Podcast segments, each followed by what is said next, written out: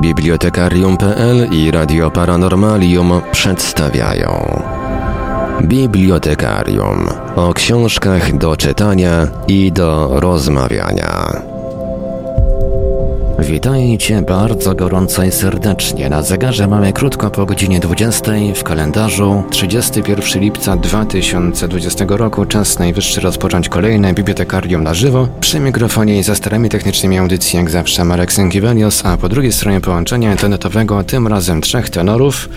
Marek Żerkowski, Wiktor Żwiekiewicz oraz Tomasz Fons. Tak, dzisiaj nie będzie felietonu Tomasza Fonsa, bowiem Tomasz Fons jest z nami na żywo. Ja jeszcze tylko przypomnę kontakty do Radia Paranormalium. Nasze numery telefonów to jak zawsze stacjonarne 32 746 0008, 32 746 0008, komórkowy i do SMS-ów oczywiście również to 536 20 493, 536 20 493, skype radio.paranormalium.pl Jesteśmy także na gadu gadu pod numerem 36 08 8002 36 08 8002. Można także do nas pisać na czatach Radia Paranormalium na www.paranormalium.pl oraz na czatach towarzyszących naszym transmisjom na YouTube. Jesteśmy także na Facebooku, na fanpage'ach Radia Paranormalium i Bibliotekarium.pl, na grupach Radia Paranormalium i czytelników Nieznanego Świata, a jeżeli ktoś woli, to może nam także wysłać pytania, komentarze i różne inne wiadomości odnoszące się do naszej audycji na nasz adres e-mail radiomapa.paranormalium.pl. A więc teraz czas na magiczne Halo Halo Bydgoszcz. Halo Halo. I co się teraz, proszę Państwa, powinno stać? No teraz, to zgodnie ze zwyczajem tej audycji, ja powinienem przerzucić się na tryb monologowy, przynajmniej pięciominutowy i powinienem powiedzieć, jakże zachwycającą książką jest Kwantechizm Andrzeja Dragana.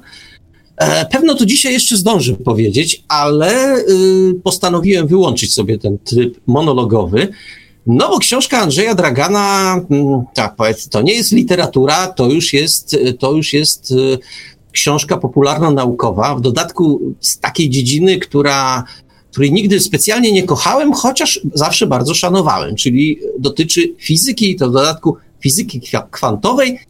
E, przynajmniej takie są deklaracje autora. O tym, jak to się udało, to jeszcze pewno porozmawiamy, ale ponieważ w naszym mniej lub bardziej szacownym gronie jest osoba, która e, znacznie bardziej od Wiktora i ode mnie ma jednak kontakt e, z naukami ścisłymi na co dzień. Technicznymi to jest trochę co innego. Ale jednak fizyki, do tej techniki potrzebujesz fizyki, prawda? I to taki, no ale tak, ale musisz to stosować i w to w nie, dodatku nie, w praktyce. Ja się zajmuję chamską, prostacką fizyką newtonowską i to jeszcze w aspekcie technicznym, w związku z czym jestem człowiekiem pierwotnym w stosunku do fizyka tak, teoretyka Pytanie brzmi tak, kto bardziej zrozumie fizykę, którą przedstawia Andrzej Dragan, e, dwóch facetów, którzy deklarują miłość do fizyki, ale specjalnie ostatnio nie uprawiają tej miłości, czy też facet, który jednak gdzieś tam dłubie w technikaliach, no i fizyką, no dobrze, newtonowską, no musi się posługiwać, no po prostu w takiej prze ja, przestrzeni ja żyjemy. Z tego czasu doktor Migalski do Europarlamentu powiedział się, czuję trochę jak ornitorok, który próbuje latać. To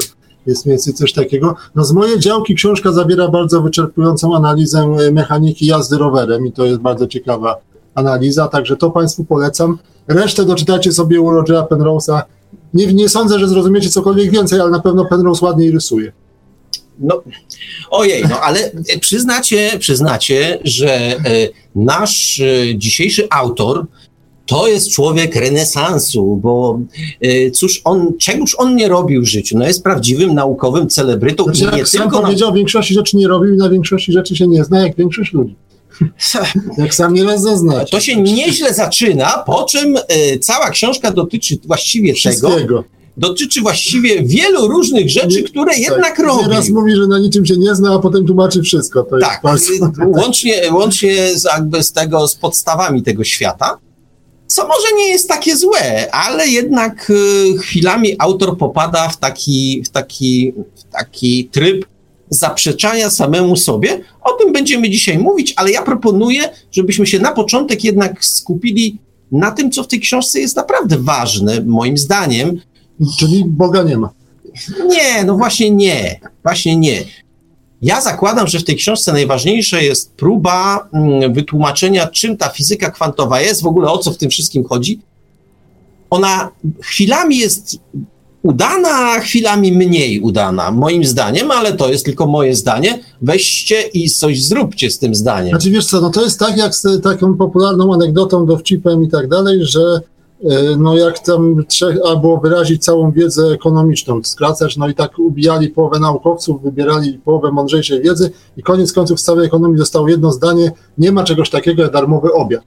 No i Andrzej Dragan coś takiego próbuje zrobić z fizyką kwantową. No i oczywiście zdanie to jest prawdziwe i większość chyba zdań, czy też y, przykładów eksperymentów, uproszczeń, no ma coś wspólnego z fizyką, zapewne kwantową. W końcu pewnie nie kupił tej habilitacji na, na, na rynku, także mu ją dali, więc pewnie coś o sprawie wie. I jakoś tak wybrał przykłady, które zapewne coś pokazują, no tylko nie wystarczy wiedzieć, że nie ma czegoś takiego jak darmowy obiad, żeby być specjalistą od ekonomii. I to jest, uważam, pewna pułapka w większości tego typu publikacji. No, podobną anegdotę mogę już bardziej z mojego doświadczenia y, przytoczyć, jak miałem wykłady z y, dynamiki, takiej jak najbardziej klasycznej, newtonowskiej, trochę właśnie w aspekcie maszyn. No i podobnie kreatywny, choć trochę starszej daty wykładowca rozpoczął te wykłady, narysował trzy kreski, trzy wektory, gdzieś tam nawet pokazał na slajdzie, obok jakiejś krzywej, powiedział, że to jest pochodna wektorowa. Jak to zrozumiecie, to już właściwie całą dynamikę umiecie. No i właściwie miał rację, tylko znowu narysowanie trzech kresek to trochę za mało, żeby no, orientować się w dynamice, zwłaszcza maszyn. Nie? Więc, więc to jest ta pułapka. Ja się troszeczkę boję takich książek, ja się troszeczkę boję takiego podejścia, bo potem, wiesz, no ktoś to przeczyta i myśli, że już rozumie fizykę kwantową, a potem zaczyna znowu opowiadać jakieś głupoty, nie? E, tylko, że ja broniąc troszeczkę Andrzeja Dragana, powiem, że jego książka dla mnie, jeśli chodzi o fizykę, kwantową, to jest dobry materiał jak dla Sztyrlica, do przemyśleń, różnego rodzaju, skojarzeń. Być może to są skojarzenia i przemyślenia e, głupawe momentami, e, tak jak sobie ja, mały Jasiu wyobraża fizykę kwantową, ja w tym wypadku robię za małego Jasia, e, ale jednak jest to książka zdecydowanie inspirująca. Trochę zawiesiłem przed chwilą głos, no dlatego, że y, minęło już 10 minut, około 10 minut audycji, a jeszcze Wiktor się nie odezwał. To nie, to nie, nie, nie, nie wróży dobrze. To nie wróży dobrze. Zostałeś, Wiktorze, sprowokowany. Wiesz, y, ja bym tutaj może zwrócił wszystkim uwagę, że my jesteśmy jako audycja, jako redakcja tutaj jesteśmy w dosyć niezręcznej sytuacji przy omawianiu większości książek, gdyż aż się prosi, żeby móc zacytować jakieś dwie, trzy strony, przeczytać fragment książki i tak dalej. My tego robić nie możemy, bo w każdej chwili możemy dostać po łapach, e, bo świat się zrobił taki, że cytowanie, że tak powiem, ogranicza się do o tym zresztą Andrzej Dragan również pisze, ale to za chwilę. Nie ma, nie ma prawa cytatu, że możemy jakieś. Możemy, ale to są za, jakby... Ale to później. To są sprawy dyskusyjne, zawsze, zawsze pozostaną na ile ten cytat jest. Znaczy tyle, co chce zacytować Wiktor, to jak najbardziej możemy. Tyle możemy, nie? Natomiast yy, widzicie, mi się przy tej książce, jak już yy, jesteśmy blisko fizyki, kłania niestety teoria względności. Ja mam dylemat. I otóż Pewne zarzuty, które ja wobec tej e, książki mogę wytoczyć, są również ogromnymi pochwałami e, z innej strony. Otóż, jeżeli to jest książka popularno-naukowa, to zarzut do niej może być celny, ale jeśli to jest literatura piękna, to jest to równocześnie pochwała ogromna tej książki. Dlaczego ja tak mówię? Otóż ja, tak jak po przeczytaniu połowy książki doszedłem do wniosku, że literatura, a przede wszystkim kultura Polski przełomu XX-XXI wieku poniosła ogromne, ogromne straty. Po pierwsze, y, dotyczy to szczególnie literatury science fiction. Po, po, pierwsze zmarł Stanisław Lem, a po drugie... I tak się polska fantastyka skończyła. Nie, właśnie się skończyła, a mogła nie. Bo mógł się objawić pisarz na miarę Stanisława Lema, nasz autor Andrzej Dragan mógł napisać kapitalną książkę i zresztą jest y, potencjalnie najwspanialszym autorem do pisania literatury science fiction. Ta książka jest dla mnie literaturą. Po prostu. Obawiam się, że mogłeś w tej chwili tą wypowiedzią podsunąć mu pomysł, bo facet robił już w życiu zdjęcia, gotował, e, hipnotyzował, Muzykę muzykę, komponował. Także napisanie e, literatury SF e, pozostanie twoim pomysłem, ale on go może zrealizować. Ale, ale zobaczcie, że literatura science fiction od, od literatury współczesnej, klasycznej zwykle różni się tym, że pisarze science fiction piszą o wszystkim, nie mając bardzo często o niczym pojęcia. E, Ważny jest temat, pomysł, żeby złapać, żeby błysnąć i tak dalej. I to robi się tego. No, to, co żeś, żeśmy mówili, e, co Dragan bardzo pięknie też wypunktowuje, że my mamy pomysł. Następnie racjonalizujemy ten pomysł. Spoglądamy na rzeczywistość, czytamy książki i znajdujemy potwierdzenie swojego pomysłu. O tak, ależ to tak, tak jest. Tak, to, co myśmy wymyślili, to rzeczywiście jest prawda przecież. Szybciutko my sobie to, to robimy. I no i wracając do, do istoty rzeczy, to ta książka jest dla mnie y, właściwie literaturą piękną. Jest to powieść, tym bardziej, że literatura piękna ma zwykle y, jakiegoś, nie wiem, herosa, głównego bohatera. Ta książka ma jak najbardziej y, y, wielkiego herosa i głównego bohatera. Autora. Nie, ależ oczywiście tak. Ona jest pisana w pierwszej osobie. Losy, kroki, życie całe przewija się od początku do końca. Jest to Andrzej Dragan. Jest to pewien walor w wypadku literatury pięknej. W wypadku literatury, już nie mówię naukowej, ale popularno-naukowej, jest to fatalna wa- wada, po prostu fatalna rzecz. Już ym, tak jak się ym, y, odnosić się do rzeczy, o których Dragan pisze, to też za młodu tam czytałem em, wielkiego matematyka polsko-niemieckiego Minkowskiego i nie odnosiłem takie wrażenie, zresztą tak samo jak, jak się czytała, e, czytało ekwilibrystyki Einsteina, że po prostu oni piszą o tym, co wiedzą. Ale ty nie Natomiast- porównywałeś wzorów Minkowskiego i z... A nie, A a nie. Tu a mi, widzisz. tu, mi, tu mi szczęka opadła, jak Dragan wyskoczył z porównaniem um, wzo- równań, które, że tak powiem, wydawałoby się nie mają sob- sobie, z sobą nic wspólnego, a w których, em, w których nagle się jakaś dziwna geometria rzeczywistości objawia w sposób Zresztą jedyny zgrek się w tej książce pojawia, nie? Ale to swoją drogą jest ciekawa sytuacja, bo to może warto wspomnieć, to już ten Markowi podsyłałem, e, że ta książka w pewnym sensie pod tym tytułem autor wcześniej przygotował skrypt dla studentów, który możecie sobie Państwo przejrzeć. Jak wyszukacie na przykład w Google'ach Dragan skrypty właśnie, to znajdziecie kwantechizm I tam jest pełno i wzorów. tam jest pełno Tam jest wzorów. I znajdziecie też bardzo szczególną teorię względności, co jest z kolei skryptem z relatywizmu, z teorii względności właśnie. I co ciekawe, wzór, który się pojawia w tej książce, właśnie na ten czasoprzestrzeń jako obrót, e, to jest wzór, który w pierwszej chwili jest nieoczywisty.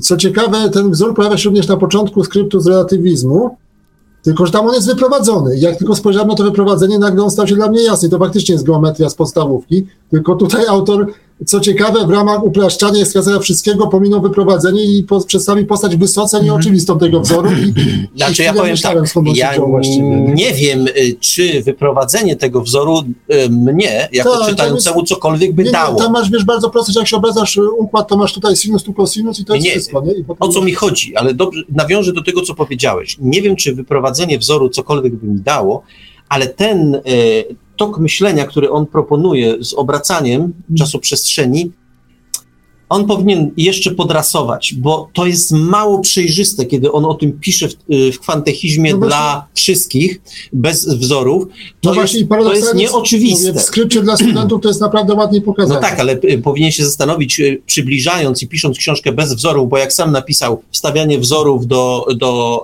do tego rodzaju książki nat- natychmiast obniża jej poczytność, w związku z czym powinien się zastanowić, w jak w bardziej plastyczny sposób o tym obrocie czasoprzestrzeni napisać, żeby to było w miarę przejrzyste. Właśnie dowcip na tym, że jest przejrzyste tylko na poziomie wzoru. Nie wiem, nie wiem, nie znam się, nie interesuję się, zarobiony jestem. Miałem taką koszulkę. Tak.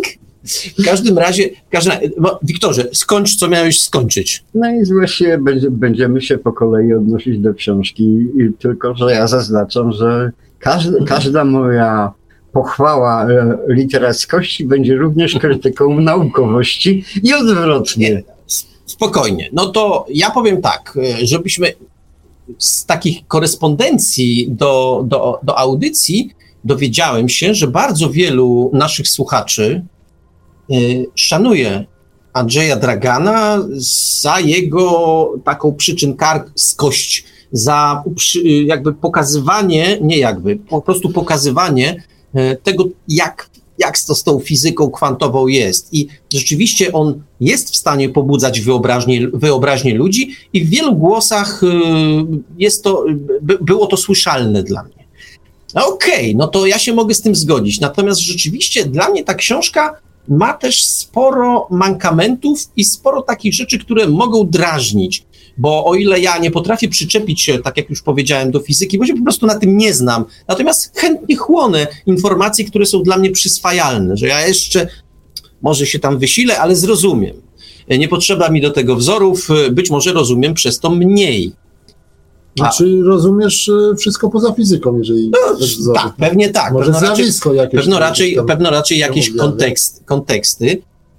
No to cóż, e, ale ta książka na przykład e, bardzo ładnie pokazuje mechanizm, o którym, nad którym ja się już dawno nie tyle głowie czy biedzę, co po prostu mm, jest on dla mnie oczywisty, tylko nie, nie do końca potrafiłem go moim rozmówcom wytłumaczyć tego, że my bardzo często mamy poglądy i dorabiamy do nich uzasadnienie. Tu Andrzej Dragan znakomicie to zrobił, tak przebojowo zupełnie, pokazał, jak ten mechanizm działa. I kiedy on mówi o y, hipnozie, no, bo hipnozą Andrzej Dragan też się zajmował, poza fizyką kwantową. E, kiedy mówi o hipnozie, o pewnym przypadku z tej dobra, hipnozy... ale to parę słów o tej hipnozie, dobra? Okej. Okay. Po pierwsze, to co on pisze się bardzo mocno wpisuje w popularny na początku tego wieku nurt zwany NLP, tam, zresztą jest z Warszawy, tam między innymi Andrzej Batko był takim znanym trenerem, którego sam swego czasu na jednym kursie byłem, już nie żyjący niestety. E, no, no i to jest właśnie ta hipnoza nowa, to jest ta hipnoza od Miltona Ericksona między innymi wyprowadzona, bo wcześniej hipnoza, wiesz, to był taki typowy, e, typowy, wiesz, sadzasz faceta, on też trochę to robisz, sadzasz, wpadasz w trans, kaszpirowski, adin 2, 3 i to była ta hipnoza mesmerystyczna, nie? Kuglarska, no. kuglarska sztuczka. A potem, potem właśnie przed Milton Erickson i od niego właśnie poprzez NLP wzięły się ten pomysł, że wszędzie jest hipnoza i to Andrzej Dagan tutaj tak pisze, jakby sam to wręcz wymyślił, a to, a to faktycznie jest e, coś, co się właśnie w tym nurcie bardzo mocno no, manifestuje, jest wyraźnie. Hipnoza jest wszędzie, że książka hipnotyzuje, że skala ma właściwie skupienia hipnotyzuje, nie? I to, I to myślę tutaj jednak, e, no wydaje mi się, że, że on nie doszedł do tego sam, że gdzieś tam na tym nurcie się trochę wychowa. No ale waż, ważne, że, że, że to w jakiś sposób wyciąga, a takim mm, ludziom, którzy tego nie dotykali, nagle się oczy otwierają, że rzeczywiście on coś takiego funkcjonuje. To ale... bardzo łatwo złapać z tej książki. Dobra, ale też y, mając świadomość, że tu mhm. jednak są pewne konotacje w stronę tego nurtu, mhm. no to też trzeba powiedzieć, że NLP to jest taka trochę neosofistyka. Tam każda komunikacja jest manipulacją. Mhm. Tam y, zawsze mamy jakiś y, zamiar podstępny w komunikacji i staramy się no, komunikować, czy też manipulować skutecznie. Mhm. I, I, każda, czy też rozmowa z dzieckiem, rozmowa z drugim człowiekiem zawsze jest nastawiona na efekt, ma być nastawiona na efekt, czyli właściwie gdzieś zanika nam trochę obiektywna rzeczywistość w tym dialogu i wszystko jest to, do czego jesteśmy w stanie gdzieś tam różnymi chwytami y, ludzi dookoła przekonać, wpoić im właśnie w tę podświadomość i tak dalej. Więc ta hipnoza jest wszędzie, jest w każdej komunikacji, wszystko jest manipulacją i trochę ta neosofistyka się, się przebija. No to tutaj Zresztą no, notabene jest chyba ty, tym, o czym Marek trochę stara się tutaj powiedzieć, nie? że w każdym razie, y, kiedy ja, y, znaczy, mnie się to bardzo, bardzo podobało, kiedy, kiedy przeczytałem u, u, u Andrzeja Dragana, że my sobie z tego najczęściej nie zdajemy sprawy. I jak tak rozmawiam z ludźmi, e, to dzisiaj się, dzisiaj się uśmiecham bardzo często, kiedy ktoś e, bardzo pracowicie udowadnia mi, że to, co on mówi, to, to jest naprawdę racjonalne. E, bardzo, ładno, bardzo ładną e, taką, takie rozróżnienie proponuje Andrzej Dragan. Racjonalność i racjonalizowanie. I to, co my, większość z nas, łącznie ze mną, przypuszczam z naszymi słuchaczami, robi na co dzień, to racjonalizuje swoje poglądy, które po prostu ma. Jak to mawiał jeden z moich y, y, filozoficznych guru, po prostu nasze poglądy to najczęściej nie jest kwestia tego, że nas ktoś przekonał. To się zdarza, ale niezbyt często. Najczęściej jest to kwestia szeroko pojętej estetyki. Mamy takie poglądy i już, i je mamy. I, no, i, i po prostu. Jeszcze tylko ale... zacytuję coś z forum, jeszcze coś z forum e, Marku, fantastyka to konteksty. No oczywiście, że fantastyka to konteksty i w tym notabene kontekście Andrzej Dragan jak najbardziej się sprawdza. Może się sprawdza, Marku, ale to posunięcie, e, sięgnięcie do tego przykładu i do tego tematu e, według mnie było e, przez Dragana bardzo wielką nieostrożnością i tak! O, oczywiście, Otóż że tak. Do tego momentu czytałem tę książkę jeszcze no tak nie powiem, że poważnie, bo poważnie już czytałem do końca. Natomiast od tego momentu zacząłem ten fakt uwzględniać również z każdym, praktycznie biorąc słowem yy, tej książki i nie jestem pewien, czy autor zdaje sobie sprawę z konsekwencji tego, co sam napisał. Gdyż yy, ta, mm, zahipnotyzowanie to racjonalizowanie własnych poglądów odnosi się również w ciągu dalszym do każdego praktycznie biorąc słowa w tej książce. Książki Andrzeja Dragana, tak. tak. Oczywiście, że tak. Mm. I wpada w dodatku w pułapkę, którą sam na siebie zastawił. Są takie momenty w tej książce. No wiesz, to jest coś takiego. To jest człowiek, że tak powiem, tak jak powiedziałeś na początku, naprawdę człowiek renesansu. Jest. jest yy... Nie no, aż taki stary to nie jest. Wiesz, je, yy, zna się praktycznie biorąc, a przynajmniej, pardon, orientuje się we wszystkim, ma orientację, co jest najważniejsze, ale yy, bardzo często nie zdaje sobie sprawy z konsekwencji tego, co mówi. Y, na przykład w tej książce jest taki cytat, który, przy którym ja prawie aż podskoczyłem na fotelu. E, czytając zresztą dalej, to wiem, otóż Dragan wyjaśnia sobie frywolnie, od tak samo jak każdy celebryta. Fizyka przesłoniła mi rzeczywistość. Uhuhu. Niestety, według mnie ta książka w jest ciągu dowodem. dalszym jest dowodem, jest dowodem tego, że fizyka absolutnie przesłoniła rzeczywistość Andrzejowi Drakanowi. No to jest w ogóle straszny problem ludzi zdolnych, nie? Że próbuje jedno mu wychodzi, próbuje drugie, nagrody dostaje, próbuje fotografować, w ogóle tam karierę światową robi, więc nagle pojawia się takie przekonanie w takim człowieku, że już wszystko umie i wszystko zrozumiał i to trudno, jak się ma przesadne zdolności intelektualne, to czasami trudno jest zrozumieć, że się nie wszystko rozumie, nie? Bo człowiek zawsze jakby no, nie wie, czego nie wie, nie wie, co jest poza Ale tym oczywiście, światem. To, to, jest... to, w takim razie ja, ja akurat wskoczyłeś... No, nawet sam podobny model gdzieś tam opisywał w tej książce. Te, nie. Wskoczyłeś w, w, w, cytat, który akurat no, no, no. też, to tak akurat od hipnozy dochodzą. Przeczytam fragmencik. Eksperymenty z hipnozą unauczniły mi, jak łatwo ulegamy wydzielinie duchowej, którą sami nieustannie sobie sączymy, by stworzyć pozory racjonalności i logicznej spójności naszych irracjonalnych przekonań i czynów. Wydaje nam się, że na co dzień postępujemy całkiem logicznie. Problem z logiką jest jednak taki, że jak ktoś jej nie rozumie, to najczęściej również nie rozumie, że jej nie rozumie. Mhm. I jakby to powiedzieć, powinienem o tym cytacie zapomnieć, czytając dalsze, dalej książkę. A nie potrafiłem zapomnieć. Bo bez przerwy pojawiają się um, rzeczy w książce. Um, zresztą już, e, już tak może z, z grubszej rury.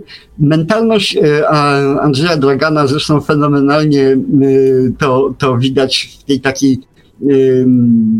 bardzo, bardzo żwawej żwawym dyskursie, w żwawym języku jest bardzo podobna do, do y, człowieka, który się popularyzacją nauki zajmował, ale tylko, że na polu biologii, czyli y, Dawkinsa.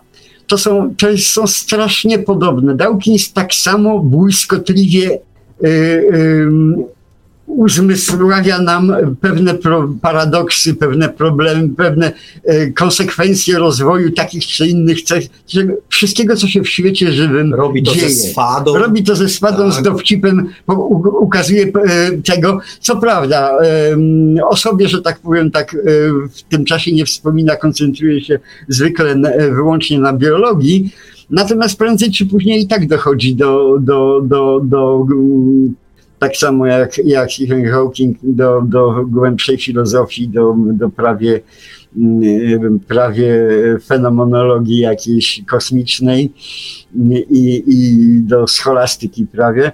No w każdym razie e, obydwaj ku temu samemu dążą różnymi drogami. Natomiast e, jednak e, Dawkins po prostu, jeśli pisze coś o biologii, to trzyma się tematu. Natomiast e, Andrzej Dragan właściwie bez przerwy przeskakuje e, z, ze sztuki e, do religii, do filozofii, do polityki, do, do, do zwykłego, do, do, do przepisów na gotowanie, do, do innych różnych dziwnych rzeczy. Do... Dlaczego? Problem jest bardzo prosty. No bo ja jestem tutaj głównym bohaterem tej powieści. Mm, No, ja jeszcze coś mówię, bo Mhm. ta książka w pewnym sensie ma strukturę taką właśnie jak te hipnozy współczesne eriksonowskie.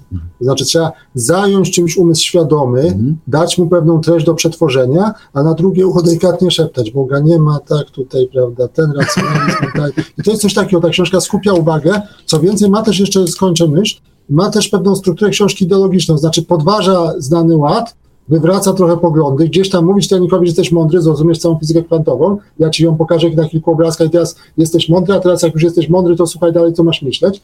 I na koniec oczywiście gdzieś tam, e, no, i no i na koniec oczywiście zwiastuje nadejście Mesjasza, czyli sztucznej inteligencji, którą już nieraz nazywałem Mesjaszem materializmu. Wow. Przy zaznaczeniu e, za Penrose'em I am not the materialist because I don't know what the material is. Także nie do końca jest to materializm, ale no taki Ale Jak ja tutaj e, do tego Tomek, co powiedziałeś, mam przepiękny przykład, e, który już w audycjach naszych kiedyś opisywałem, mm, e, podawałem, ale muszę go powtórzyć.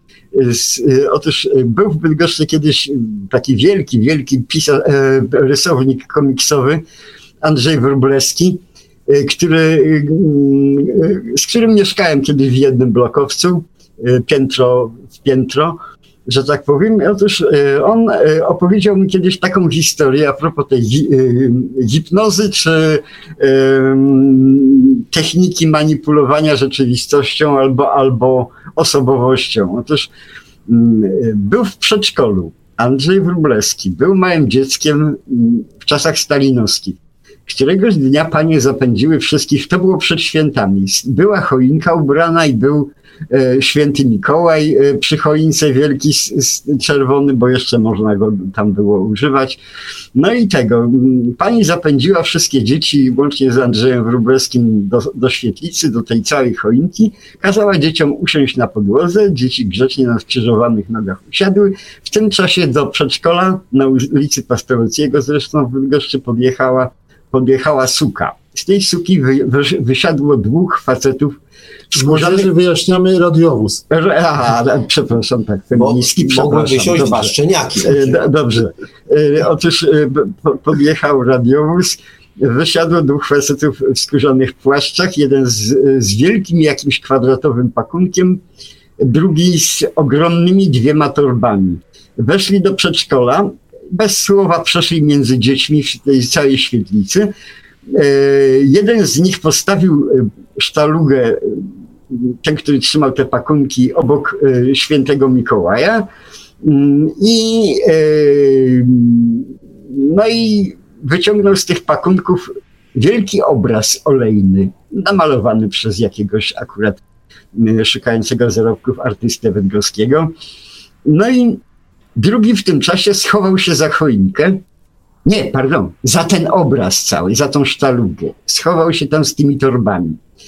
No, dzieci po odsłonięciu mm, takiej przesłony zasłaniającej tą, y, ten obraz, okazało się, że tam był Józef, Józef Stalin. Wissarionowicz Wissarionowicz Stalin, nie? Y, No i pan, ten jeden z panów, ten, który przyniósł ten cały obraz, powiedział dzieci, powiedzcie mi, kogo bardziej kochacie? Wskazał ręką na świętego Mikołaja i na tego e, obraz Stalina. No dzieci oczywiście krzyknęły, bo wiedziały, że prezenty się dostają od, e, od świętego Mikołaja. Oczywiście wrzasnęły, że chórem, że od świętego Miko- że kochają świętego Mikołaja. Pan się uśmiechnął, grzecznie skinął głową i odstąpił. I w tym momencie za obrazu Sta Józefa Stalina zaczęły sypać się garściami cukierki czekoladowe w pięknych złotych papierkach sypały się dzieciom na podłogę. Dzieci rzuciły się zbierać. Było wtedy cienko w Polsce, ze słodyczami w ogóle było, było kiepsko. Cukierki się sypały i sypały. Dzieci łapały, złapały, szczęśliwe usiadły, wróciły. Pan wyszedł i zapytał ze śmiechem, dzieci, powiedzcie, kogo bardziej kochacie? Wszystkie dzieci wskazały natychmiast na Józefa Stalina. To jest właśnie taki przykład jeszcze może nie hipnozy, ale w no, efekcie to to samo. O to samo chodzi. O to samo chodzi, nie? Tak, ale wiecie, kiedy tak słucham, e, bo Tomek pokazał mi e, nowy aspekt tej książki. Ja tak nie, nie odbierałem, ale kiedy sobie o tym pomyślałem, to nawet jakbym chciał się z nim nie zgodzić, to nie mogę, bo... No powiedz, po jaką cholerą wyskakuje na koniec ewolucją sztucznej inteligencji? No dokładnie, dokładnie, dlatego, dlatego poukładałeś mi to, te, te, treści, które niby, niby miałem przed oczyma, a takich, takich nie, nie, nie, nie, nie, jakby nie, nie spiąłem ze sobą. Ale okazuje się, że czasami przyjęta metoda, jeśli nawet y, potencjalnie jest niezła, to szwankuje na szczegółach. I na jakich szczegółach szwankuje takie, jakbyśmy tak podchodzili, jak ty to zarysowałeś, co tam szwankuje? Otóż bardzo wyraźnie widać, że po pierwsze, Andrzej Dragan wpada w swoją własną pułapkę, którą, o której, którą opisał na początku książki, czyli, że my bardzo często dokonujemy e, procesu racjonalizacji własnych poglądów, które mamy. Nie wiadomo skąd, ale mamy. No. I on ma swoje. Ma, Andrzej Dragan ma y, moim zdaniem dosyć określone poglądy na temat filozofii i na temat religii. Ma je i niech je ma, nie moja sprawa. Ale kiedy on zaczyna o tym mówić, to co widać? Widać, że on próbuje racjonalizować, dlaczego je ma takie, jakie ma. Czyli odnosi się nieufnie do religii. Notabene nie tłumaczy, czy jemu chodzi o religię, czy jemu chodzi o wiarę, czy jemu chodzi o kult, a tak notabene, tak wrzucam, żeby, żeby sobie też uświadomić, że jak walimy słowo religia, to to nie jest takie jednoznaczne. Znaczy, dla mnie jest jednoznaczne, ale ja nie wiem z tego opisu, który on daje, czy jemu aby na pewno o to chodzi. To jest pierwsza sprawa. Y, ale on ma swoje poglądy na ten temat. Okej, okay, nie tylko je szanuje, co rozumiem, no, że je ma. W różnych wypowiedziach dosyć mocno właśnie odnosi się do religii jako do metody wyjaśniania rzeczywistości tak, jego tu też, tu też, czyli y, bo on pisze taki... o tym, że religia równa się dogmat, czyli coś, co musimy przyjąć i nie dyskutować z tym. Okej, okay, w porządku, rozumiem. Tylko kiedy słyszę, jak on to, jak pokazuje, to znaczy, jak on to uzasadnia, to wiem od razu, że za, tak samo jest z filozofią, jak i z religią. On nie wszedł w te tematy zbyt głęboko no to... i nie rozumie tak naprawdę tego, o czym mówi. Kiedy mówi o fizyce, zakładam, że rozumiem i chętnie go słucham i nie dyskutuję. Natomiast kiedy on zaczyna mówić o filozofii, to ja wiem, że prawdopodobnie na swoich studiach fi fizycznych miał pół roku filozofii, może rok, takiej obowiązkowej, jak większość no, osób. Pani mi się, że szybko czyta, pewnie kilka książek Tak, ale jak większość ludzi, jak większość ludzi na studiach y, ma filozofię, no bo to taki przedmiot obowiązkowy, to jeszcze z komunizmu zostało. Wtedy wykładali marksizm, leninizm, a dzisiaj najczęściej historię filozofii, więc też nie filozofię. Historia filozofii ma, ma, to do siebie, że ona... No, naj... chyba filozofia na studiach to jest trochę starsza sprawa, mnie to ktoś dosyć mocno analizował. Jako, znaczy wiesz, być może e, nie zawsze moim zdaniem filozofia była, ale dobrze, nie kłócę się, może tak było. W każdym razie... Czyli pomysł e, uczenia fizyki na uniwersytecie i nauk technicznych na uniwersytecie. No, inna sprawa, natomiast, natomiast e, skończę myśl. Wiem, czytając to, co on pisze na temat filozofii, że miał tę historię filozofii. Notabene y, w porównaniu, to jeszcze nie jest filozofia. Historia filozofii to jeszcze nie jest filozofia. On ją miał, ktoś go zanudzał filozofią presokratejską, tam o tych atomach się musiał uczyć, o, tej, o tym ogniu, o tej wodzie i tak dalej. To strasznie nudne się wydaje bardzo wielu osobom, bo trzeba zapamiętać, że ten z wody, ten z, przestrze- znaczy z bezkresu, ten z ognia, z czegoś tam jeszcze, wszystkie nazwiska skomplikowane. Teraz, teraz też, też lecisz troszeczkę. Różnie jest, różnie jest na różnych kierunkach, bo się z tym Dobra, nie, nie, ale trochę lecisz, wiesz, swoją wizję jego wizji. Okej, okay, znaczy ja interpretuję... Ja myślę, że on trochę przeczytał, ale już przeczytał bardzo tendencyjnie i chciał znaczy, znaleźć prawdę. To, że przeczytał, to wiem, bo kiedy nawiązuje do słów, do słów e, dlaczego istnieje raczej coś niż nic, no. skoro nic jest prostsze. Nie podaje notabene, kto to powiedział, e, ale odwołuje się do tych słów. I wtedy dobrze widać, że filozofii tak naprawdę no, no, porządnej nie miał. To... Dlaczego? Dlatego, że on się odwołuje do literalnej treści tych słów, mhm. a nie do zdziwienia. To często w wykładach słyszymy filozoficznych, takich wstępach do filozofii, że filozofia wzięła się z zadziwienia tego, że jest coś tutaj. On w ogóle nie wchodzi tak głęboko. On się skupia na tym, co ma napisane w tych, w tych słówkach, i wtedy dokładnie wiem, że filozofia nie jest jego pasją, i jeśli nawet, tak jak mówisz, coś przeczytał, zakładam, że jest człowiekiem inteligentnym, więc tak. Ale jeśli nawet to chyba nie wyciągnął esencji z tego wszystkiego, bo filozofia ma to do siebie, że nie wystarczy przeczytać iluś tam autorów, żeby wiedzieć, czym jest filozofia. Poza tym to co, ma, e, to, co Tomek tutaj zresztą mówił, e, otóż e, przy, przy tej całej matematyce, otóż wy, zrozumienie wyniku równania nie jest równoznaczne ze zrozumieniem wyprowadzenia tego wzoru. Okay. To trzeba e, czasami e, rozumieć całe wyprowadzenie, bo jest e, bardziej ważne czasami niż sam wynik. Nie? Wrócę jeszcze do swojej wizji e, Dragana interesującego się filozofią i religią. Moim zdaniem ten facet naprawdę uwierzył, że wie bardzo dużo na bardzo wiele tematów. Mm. Czego mu nie odmawiam, na pewno wie. Tylko problem polega na tym, że jak jakiejś dziedziny nie zgłębiamy, ślizgamy się po powierzchni, mm to dochodzimy często do bardzo dziwnych wniosków. No tak, no to jest tak, jak się ogląda partię szachów, no to każda jest nudna, nie? Jak się tak patrzy z zewnątrz, z grubsza znając zasady, nie? No właśnie. W związku z tym, yy, szanując to, co Andrzej Dragan pisze o fizyce, o czym mam nadzieję jeszcze troszeczkę dzisiaj powiemy, to kiedy on na końcu książki pisze yy, o ty powiedziałeś o sztucznej inteligencji, ale chwilę wcześniej o właśnie o religii, o, o religii, o, ewolucji, o, o, filozofii też, no i ewolucji. No i obala mentalność religii, znaczy tą, tą moralność z tak. religii, obala ewolucję. No, to już w ogóle wchodzimy na kwestie etyczne, no to już w ogóle, e, powiem tak, no... Z psychologii też się strasznie wymądrza, nie zawsze mądrze.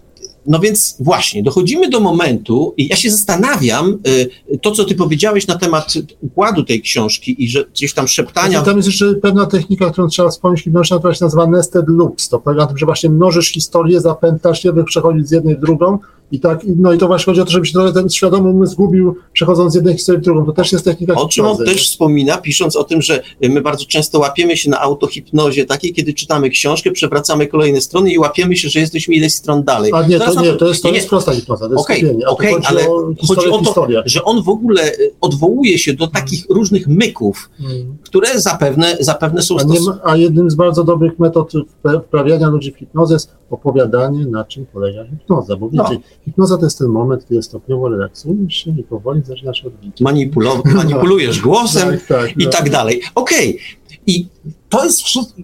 Ty mi to ustawiłeś, bo ja na początku moim takim głównym zarzutem do, do Andrzeja Dragana było to, że on najpierw za, y, y, napisał o tym mechanizmie, po czym go ewidentnie podpadł pod niego i tak się podłożył, bo znowu odwołując się do tego, co mówił Wiktor o logice, to to było absolutnie nielogiczne, to co zrobił Teraz widzę to inaczej. To chwała ci, że to tak ustawiłeś, bo to, to nagle nabiera innego sensu ta książka. No ale widzisz, y, to wszystkie zarzuty takie, takie scjentyczne, że tak powiem, y, są również pochwałą, jeśli mówimy o literaturze pięknej. Y, ta książka jest pod tym względem wyśmienita. Zobaczcie, zwróćcie uwagę, przez to, że ona się zajmuje praktycznie biorąc wszystkim, temat kwan, kwantechizm cały to jest taki chwyt, dobry, świetny tytuł i, i Jednocześnie co- przypadkowe to tego, Ale jest. zobacz, No, zobacz że właśnie- tym się zajmuje każda dobra powieść science fiction, czyli opisanie mniej więcej świata dziwnego, różnych dziwnych rzeczy, trochę socjologii, trochę psychologii, trochę tego wszystkiego i tak dalej. Mamy mniej więcej poczucie świata. W tym momencie sprzedajemy swoją historię, odnosimy się potem z grubej rury do wielkich rzeczy, do, do wielkich, potężnych zupełnie spraw, wytaczamy jakieś grube berty.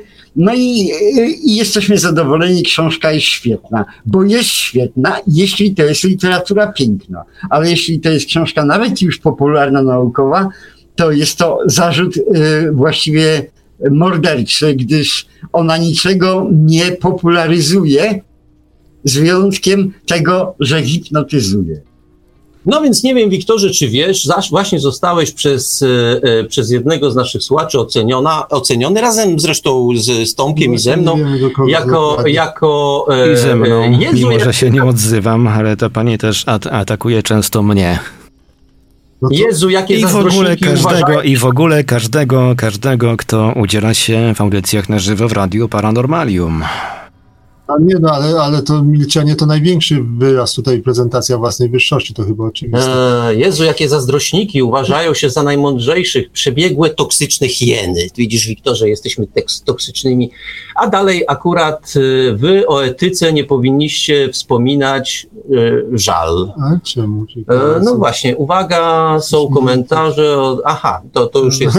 To już tego jest nie czytaj. Tak, tak, tak, tego nie Najpierw po- czytam. Tak uważaj, bo to są, to są skromni, mili ludzie.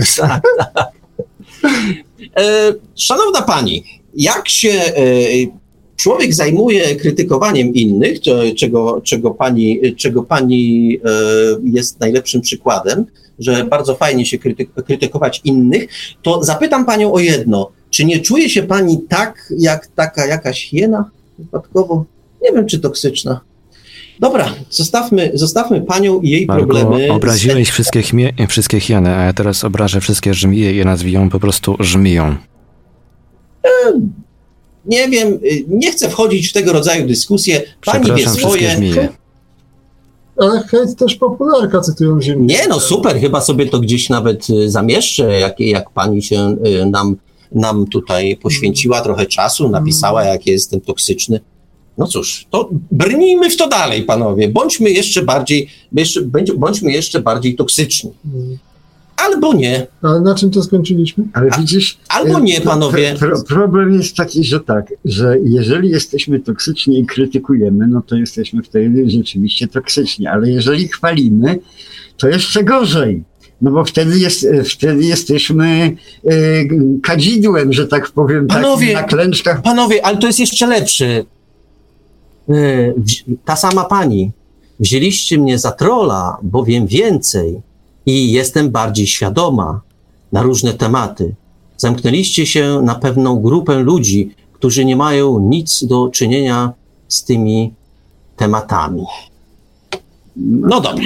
Panowie, pogadajmy troszkę o tej fizyce, którą przedstawia, y, którą przedstawia Andrzej Dragan, o pewnych jej, pewnych jej odmianach, bo to jest jednak y, w tej książce fascynujące. Wiem, że sprawiam tej pani y, teraz zawód, bo teraz przestanę Oj być toksyczną oj hieną. tam, oj tam. Ty, się, ty siebie nie doceniasz. E, No tak, ale ja jednak lubię Andrzeja Dragana za ten, te fragmenty o fizyce. Nie wiem, czy Zdję, zdjęcia fajne robi. E, Zdjęcia może fajne, ale to nie na fizyczne, nie fizyczne zdjęcia. W każdym razie, y, dlaczego, dlaczego, y, dlaczego mnie to tak fascynuje? Dlatego, no, to też o posługiwanie się światłem poniekąd. Nie? Podejrzewam, że rozumienie tego, jak światło działa, trochę mu pomogło w tej pracy. być może, być może tak. To y, Tomek mówi w tej chwili o tym, że Andrzej Dragan sporo, sporo y, Znaczy, fajnych twierdzi, że zdjęć. sporo. Twierdzi, że zrobił 100, pokazał 50, a zarobił więcej niż przez dwa lata na uniwersytecie. Dla mnie 50 to też jest Że sporo. Ale ciekawą myśl ma na przykład, kiedy mówi o tym, że nasz świat jest dziwny, że e, wszystkie te grupy artystyczne, tworzące muzykę, tworzące różnego rodzaju e, wytwory, wytwory e, kultury, sztuki, E, te grupy zarabiają straszliwe pieniądze i wszystkie te agencje chroniące prawa autorskie są niezwykle aktywne i niezwykle wyspecjalizowane w tym, żeby pieniądze zarabiać. A naukowcy, którzy światu przysparzają, chcąc nie chcąc, odkrywając różne, różne nowe rzeczy, e, przysparzają światu także wielu, y, wielu wynalazków, wielu, wielu nie wiem, te wszystkie, te wszystkie, y, te, te, wszystkie nowe materiały, które powstają w wyniku, w wyniku różnego rodzaju badań. On się do tego odwołuje i mówi, no ale ci fizycy z tego tak naprawdę, czy fizycy, czy inni odkrywcy, niewiele z tego mają. Gdyby tam różne wynalazki, y, powiedzmy z XIX wieku, były w ten sam sposób chronione, co dzisiaj y, na przykład różne wytwory kultury i sztuki, to ci ludzie byli, jak on to chyba ujmuje, lataliby jednorazową e, rakietą z diamentów no, na Marsa. Byliby, tak, tak, bardzo. No, no, ale cywilizacja w ogóle by nie latała niczym, bo, bo byłyby patenty, nie? To raz właśnie, ale druga sprawa też, że niestety główną tutaj osobą, która korzysta z pracy poprzednich pokoleń naukowców są kolejni naukowcy. I tylko niewielka część tak naprawdę tego, co powstaje w ramach e, nauk ścisłych, przechodzi w nauki techniczne, a potem to, co z nauk technicznych też tylko pewna część przechodzi do jakichś masowych zastosowań. Nie? Niemniej jedna. I teraz, jeżeli ja i tak no szczęśliwie na przykład y, korzystam z jakiegoś oprogramowania obliczeniowego, to też no szczęśliwie często te wersje powiedzmy akademickie, nie, niekomercyjne są trochę tańsze, no i tak muszę za to płacić. Jakbym jeszcze musiał do tej pory spłacać, wiesz, potomków Newtona, i, i wszystkich kolejnych Lagrange'ów, którzy po nim coś stworzyli, no to już pewnie by mnie nie było stać nawet na magisterkę. Nie, no, to nie jest chyba tak źle, bo z drugiej strony nawet w kulturze, sztuce, wytwor, wytworach, e, emanacjach no umysłu jest, e, jest, e, ten, jest pewna karencja. No tak, no każdy, 70... pisarz, każdy pisarz musiałby płacić pytania z alfabetu. Nie? Za no tak, ale tak, jest 70, 70 lat od śmierci autora, i po 70 latach hulaj dusza piekła. Nie ma, to, jest, to jest różnie w różnych krajach. To jest zresztą. bardzo trudne, no bo każdy daje tam jeden, jeden przecinek do tego równania i teraz weź powiedz, gdzie ono się zaczyna, gdzie ono się kończy, to nie jest takie proste. No dobrze, dobrze, no w każdym razie okej, okay, no zgoda, że prosto, prosto by nie było.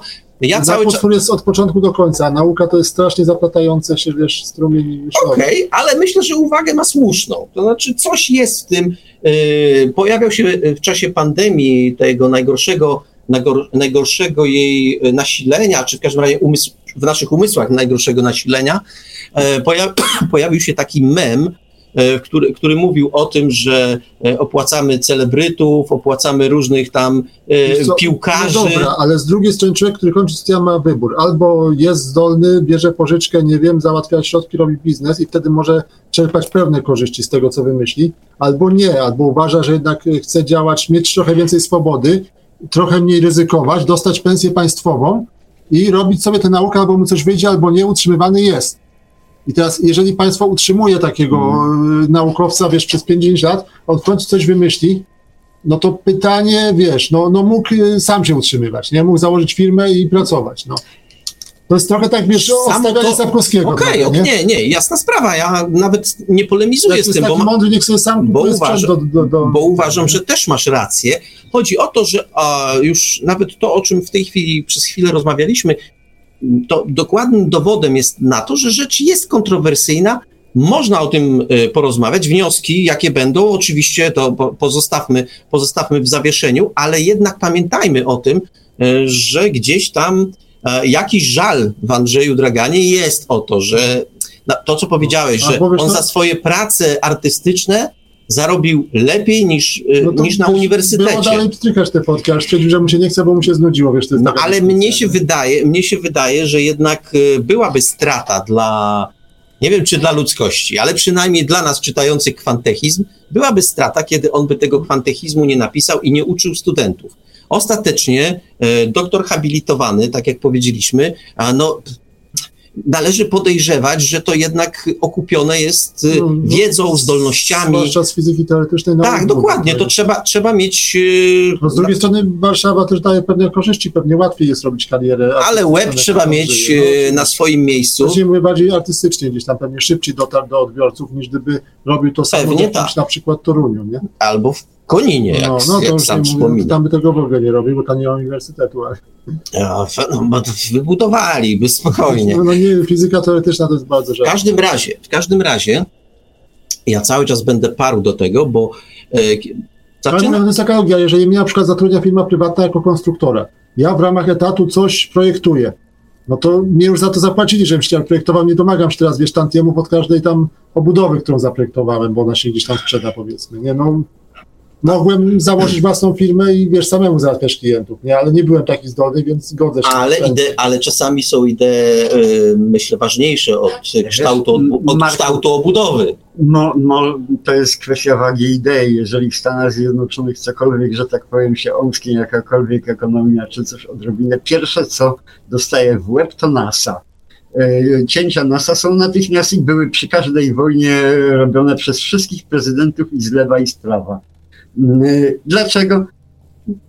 Tak jak Tomek mówił, mogliście sobie założyć własną wyrzutnię i, i, i strzelać No tam to też sobie założyli ostatnimi A, czasy. No nie, no też ze strasznych dotacji No. publicznych No, też no. jest. No ale podbój kosmosu jakby no, nie przynosi bezpośrednio wielu korzyści. No więc właśnie, gdyby przynosił, to by, to by cięci nie było. No dobrze, dobrze panowie, ale to też takie proste nie jest, bo Krzysztof Kolumb e, też był sponsorowany i też zawrotnych korzyści na początku z, tego, z tej prawda, cholernej Ameryki nie było. jednak przywożenie dóbr materialnych w ramach jednej partii jest dużo łatwiejsze niż choćby z Księżyca. No. Pewnie tak, Jak przywiozą ten hel, to zobaczą, zobaczę, to uwierzę, póki co Pewnie tak, ale to, co jeszcze zresztą pisze Andrzej Dragan i co też uważam za bardzo cenną y, uwagę, że nam się wydaje bardzo często, że my o naszym świecie wiemy bardzo dużo, a to jest zapewne ułamek tego, co o tym świecie można powiedzieć, że my jesteśmy dopiero gdzieś na początku drogi i podobnie jest z tym podbojem kosmosu. Nam się dzisiaj wydaje, że będziemy Hel 3 wozić z Księżyca,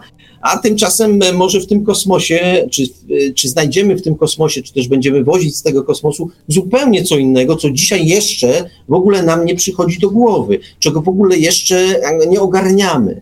Więc człowiek, to, to, to, naturalne dążenie człowieka do tego, żeby gdzieś się, tu żart, tiktaki, rozprzestrzeniać, czy w każdym razie gdzieś zdobywać przestrzeń, e, to jest myślę podświadome, ale e, tak jak Kolumb parł e, w kierunku te, tych, wydawało mu się, że Indii, ale do, dotarł tam i w sumie obróciło się na to, na co się obróciło, tak my dzisiaj gdzieś z przerwami, okazuje się, że jednak z przerwami, e, gdzieś pchamy się w ten kosmos, Sami tak naprawdę do końca nie wiemy dlaczego. E, tam Musk mówi, że to będzie komercyjne wszystko. Znaczy, Musk dużo mówi też między No innymi. tak, ale, ale jednak Starlinki się pojawiają na niebie i tak dalej. Co To z tego będzie wszystkiego? Ostatnio się boi sztucznej inteligencji, to było ogłaszane. Tak, a z jednej strony, z jednej strony y, z kolei Dragan pisze, ostrzega przed y, sztuczną inteligencją, z drugiej obśmiewa trochę, y, ob- obśmiewa trochę Hawkinga.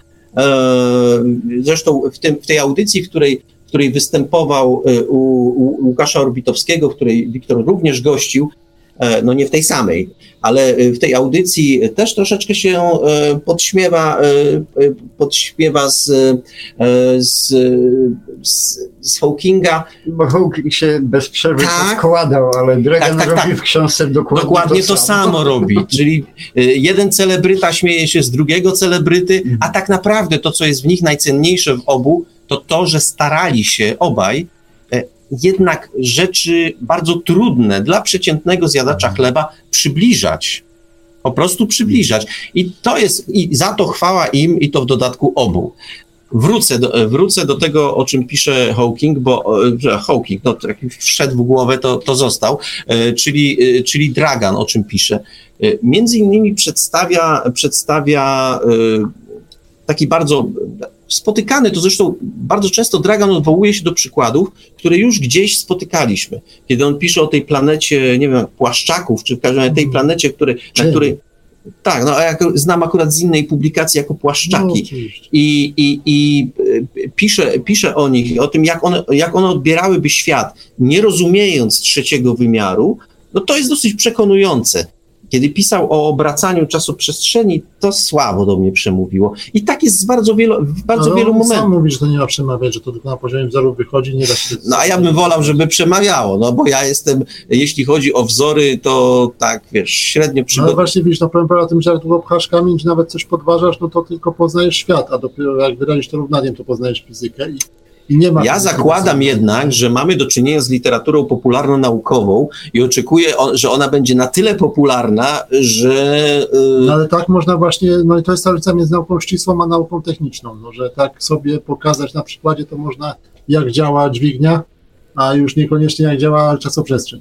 No ale widzisz, ty w, w tym momencie używasz argumentu również Tomek takiego, że, że pewne rzeczy można tylko na poziomie matematyki i równania wy, wyjaśnić, a to jest trochę zabawne, bo w ten sposób to jest taka mentalność myślenia fizyków również teoretycznych, przede wszystkim teoretycznych, że można do równania sprowadzić cały świat.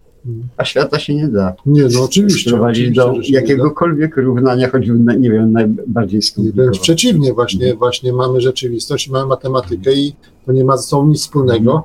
Dopiero kiedy my staramy się jakby modelować jakieś kawałki rzeczywistości, Mhm. Lem to pięknie nazwał właśnie, ten Tak. szalony krawiec szyje te Mhm. stroje na siedmionoga i my próbujemy ubrać w niego ośmiornicę, bo nic lepszego nie mamy.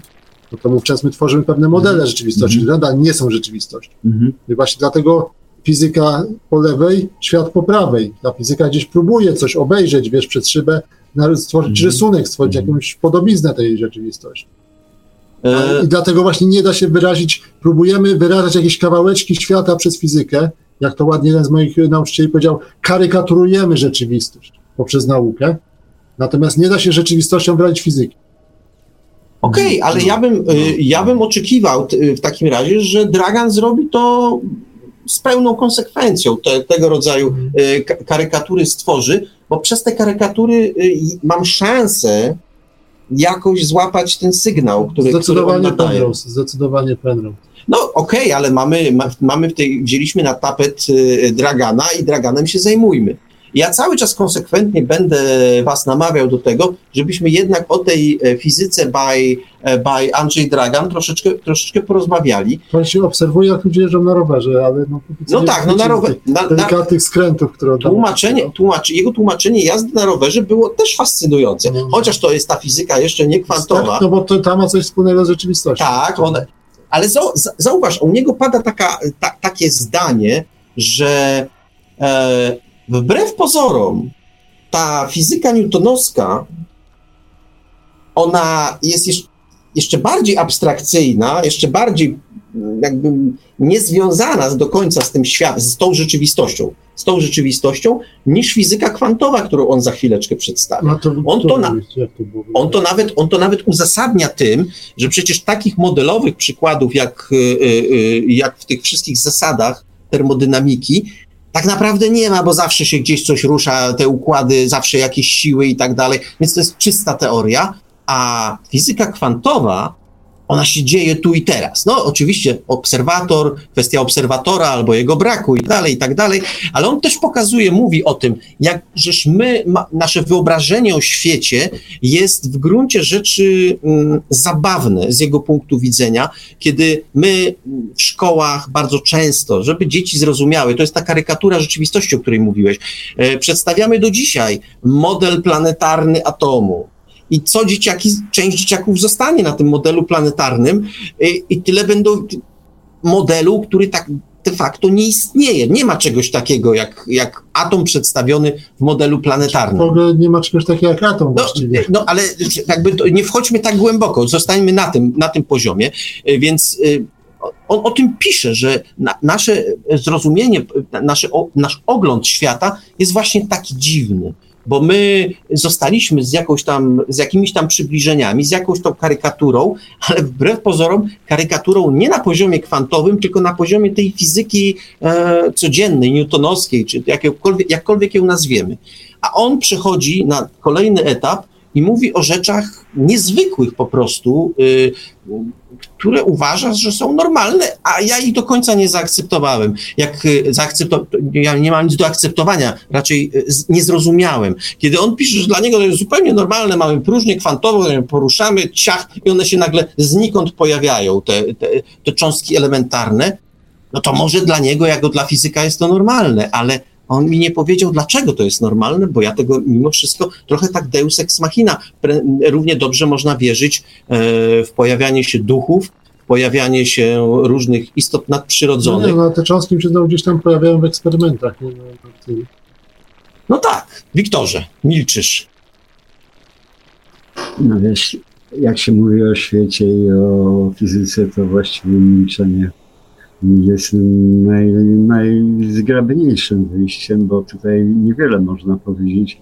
My, tak jak ja twierdzę i zawodowo zresztą, to my próbujemy odczytać świat tak jak to kiedyś powiedziałem, że my jesteśmy czytelnikami, którzy próbują odczytać, odczytać świat. Natomiast nie mamy zielonego pojęcia, w jakim języku ten świat został opisany. Więc od, czytamy, czytamy mm, jakieś teksty, w języku zupełnie obcym, nieznanym, niezrozumiałym, w ogóle z nami, z naszą kulturą, z naszą mentalnością, z naszą filozofią, nie mającą nic wspólnego i o tym powinniśmy pamiętać, że świat został opisany jakimś językiem, który, do którego my w ogóle nie przystajemy. No i konsekwencje tego, że nie, nie rozumiemy, tak, istnieje metoda kolejnych przybliżeń, oczywiście, że będziemy sobie coraz bardziej pewne rzeczy yy, uświadamiać po to, żeby stanąć w, za, w, zachwycie czy w zadumie nad jakimś faktem, nad pewnym paradoksem, ale znowuż myślenie per analogiam to jest czasami strasznie karkołomne. Czasami na manowce Kar prowadzi. Przede wszystkim na manowce, bo, bo z fizyką już i newtonowską kwantowa nie ma m, praktycznie biorąc nic wspólnego i tutaj po, po analogiach nie, nie wolno się w ogóle ślizgać. No i tak jest z całym światem, wiesz. Zobacz, jak, jak, jak Dragan pisze o tym, że my nie rozumiemy świata, albo, ale, ale sam próbuje w jakiś sposób to umotywować. Wiesz, ja mam taki model, wiesz, jak byłem małym dzieckiem, nie? No to co, przede mną, stałem przed wielką ścianą wiedzy, którą musiałem zdobyć, nie? Dzisiaj, kiedy już właściwie czekam na rozstrzelanie, stoję plecami do tej ściany, nie mówiąc o, o tym, co mam na dole. natomiast, i, i, a czym jest ta ściana? Absolutnie taką samą niewiedzą. Nic co się jest, nie. Co jest za tą ścianą? Nic się w życiu nie dowiedziałem. Trochę się pobawiłem. E, różnymi rzeczami. Naczytałem się książek, różnych interpretacji, takich draganów to przez ostatnie tysiąc lat to w kulturze europejskiej to było wielu. E, wszyscy pisali książki, bardzo wspaniałe, ciekawe, z, z nich wiele rzeczy wspaniałych wynika w danym momencie, no ale czy ja się czegokolwiek dowiedziałem, czy ja coś wiem o tej ścianie za moimi plecami? Dowiedziałeś się, jak wiele rzeczy nie wiesz. No tak.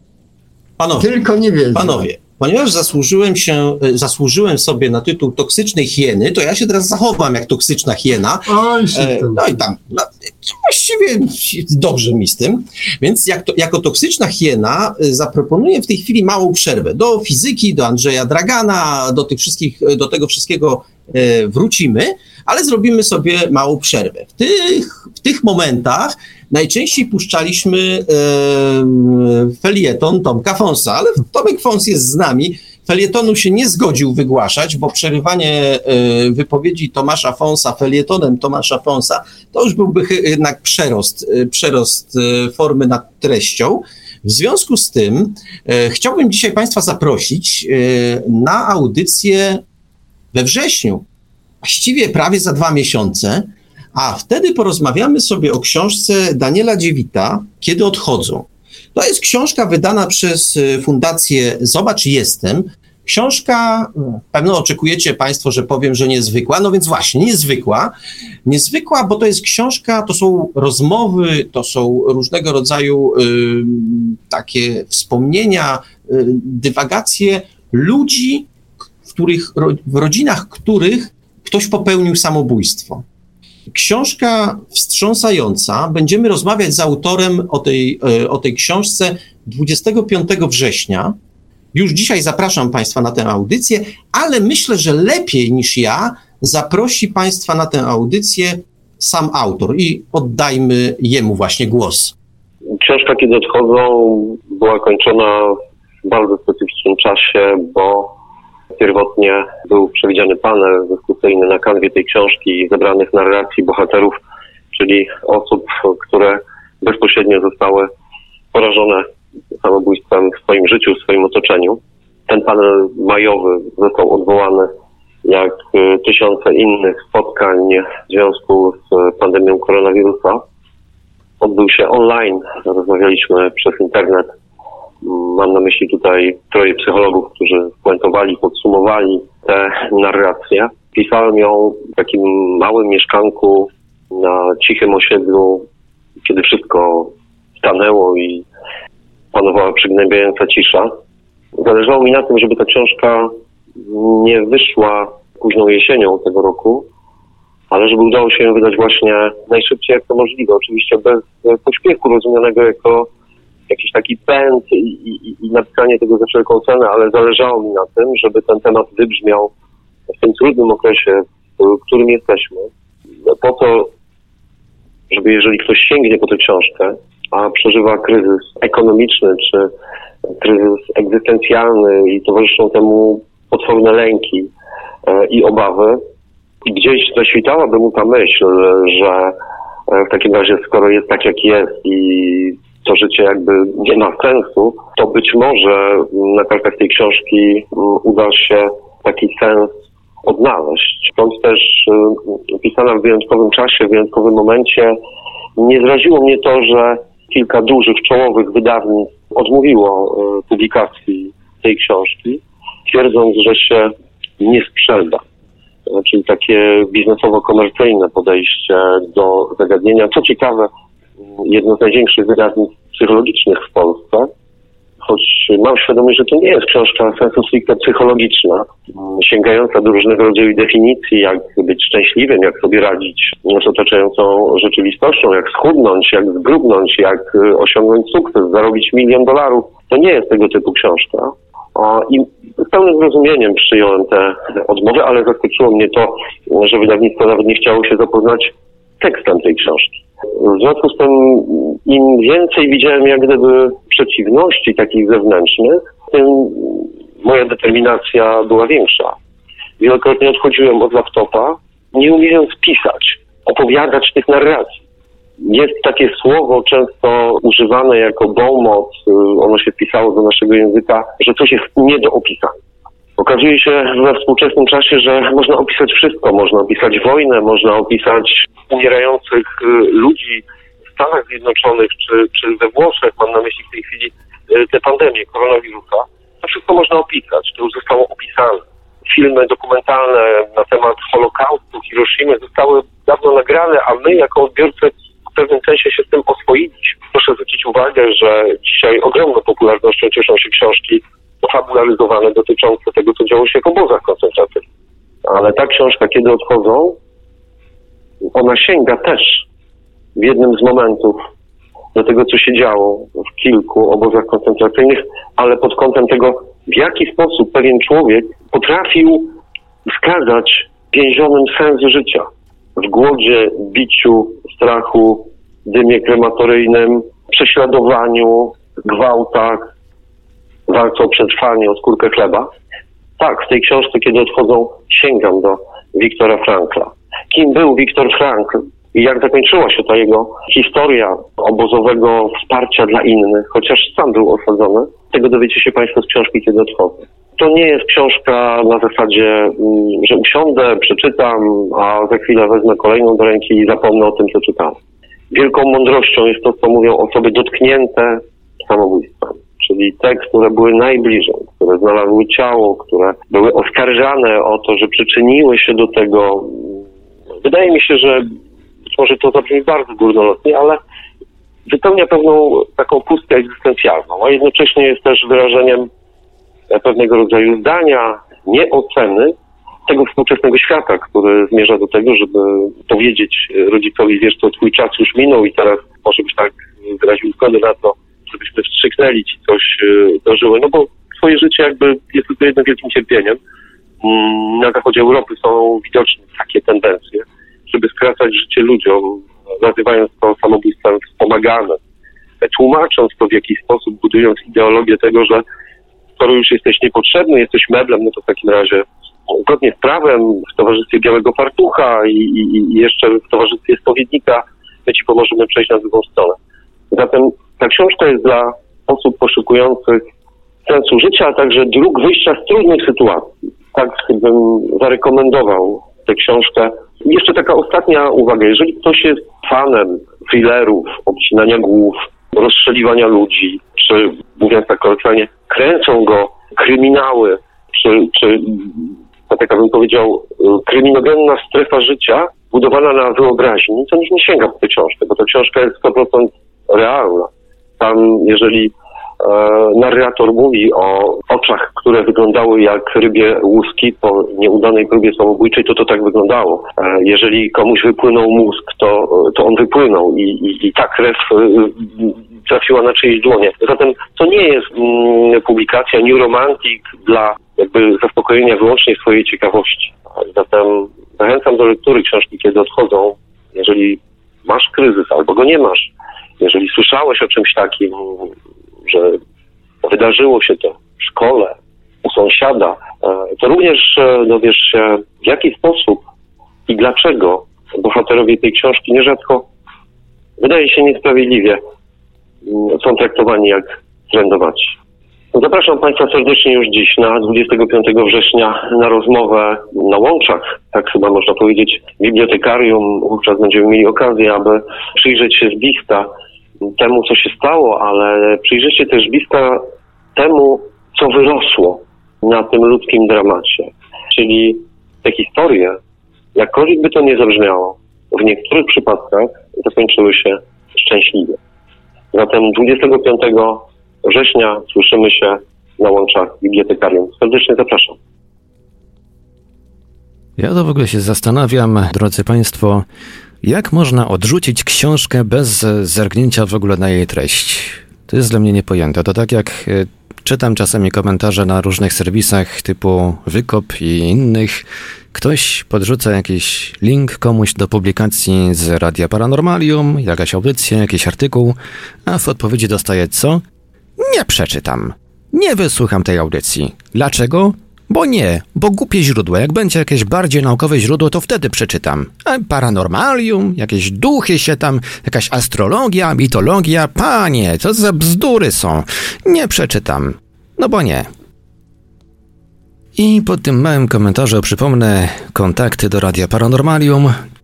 Hmm, jeżeli nikt się, jeżeli ktoś się nie wstydzi dzwonić, to zachęcamy zadzwonić do nienaukowego źródła, że tak to jeszcze ujmę e, żartobliwie. Może ta pani do nas zadzwoni, ta od no toksycznych hien. Ja bardzo no. prosił, żeby zadzwoniła. No nie, ale wy jesteście drażliwi. No my już w innych, w innych audycjach już nawoływaliśmy, żeby zadzwoniła, a ona woli się ograniczyć do no, defekowania swoich e, mądrości na czatach YouTube'owych.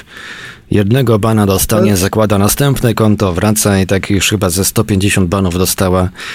To się kiedyś skończy, to się kiedyś skończy w sądzie, droga pani Aleksandru. Miejcie świadomość, że takie rzeczy biorą cię z jakichś trudności emocjonalnych, nie? Więc no też trzeba, trzeba no chorych nie mówię, że wybaczać, no ale zrozumieć. No, Przemawia przez ciebie y, toksyczna, y, toksyczna, co tam, bo już zapomniałem. No, Trochę tak, ale wiesz co, no nie można. Toksyczna nie można tak hiena. Tak, toksyczna hiena przemawia no, przez ciebie. No, A teraz, zanim, zanim, do, zanim e, toksyczna hiena o nazwie Marek Sęk e, dopuści do głosu pozostałe toksyczne hieny po drugiej stronie połączenia internetowego, pozwólcie panowie, że przypomnę kontakty do Radia Paranormalium bo tak nawołujemy do dzwonienia, a w końcu może się okazać, że zapomnimy podać numery telefonów do Radia Paranormalium. Stacjonarny 32 746 0008, 32 746 0008, komórkowy 536 20 493, 536 20 493, skype radio.paranormalium.pl Jesteśmy także na GG pod numerem 36 08 8002, 36 08 8002. Można nas także spotkać na e, czatach Radia Paranormalium na www.paranormalium.pl oraz na czatach towarzyszących naszym transmisjom na YouTube. Można nas e, także polajkować i śledzić i wdać się z nami w dyskusję na Facebooku, na fanpage'ach Radia Paranormalium i bibliotekarium.pl, na grupach Radia Paranormalium i czytelników Nieznanego Świata, a jeżeli ktoś woli, to może także wysyłać pytania, komentarze i różne inne wiadomości odnoszące się do naszych audycji na nasz adres e-mail radiomałpa-paranormalium.pl. No i oczywiście, e, gdy audycja będzie już udostępniona w archiwum do odsłuchania oraz na naszym kanale na YouTube, to będziemy bardzo, bardzo chętnie przytulimy jakieś komentarze, prawda panowie? Jak najbardziej, jak najbardziej. Ja tylko chciałem jedną rzecz jeszcze powiedzieć, e, bo to się tak często plecie w dziwny sposób, że jak e, dwóch, trzech facetów siada i o czymś rozmawia, to wszyscy mają im za złe, że rozmawiają, no, starają się przynajmniej no rozmawiać. Robimy to co autor, nie tak płyniemy w różne tak, strony. Tak, oczywiście. Natomiast. Ciekawe, czy przyjdzie na koniec jakiś mesjasz. Oczywiście, oczywiście, że tak, że robimy coś bardzo podobnego, ale robimy to z rozmysłem, żeby w jakiś tam sposób książkę przybliżyć. No moglibyśmy oczywiście siąść i zachwycać się, jakaż była wspaniała, albo zrąbać ją zaraz na początku. Audycja trwałaby 5 minut i to na, na, tym, na tym byłby koniec.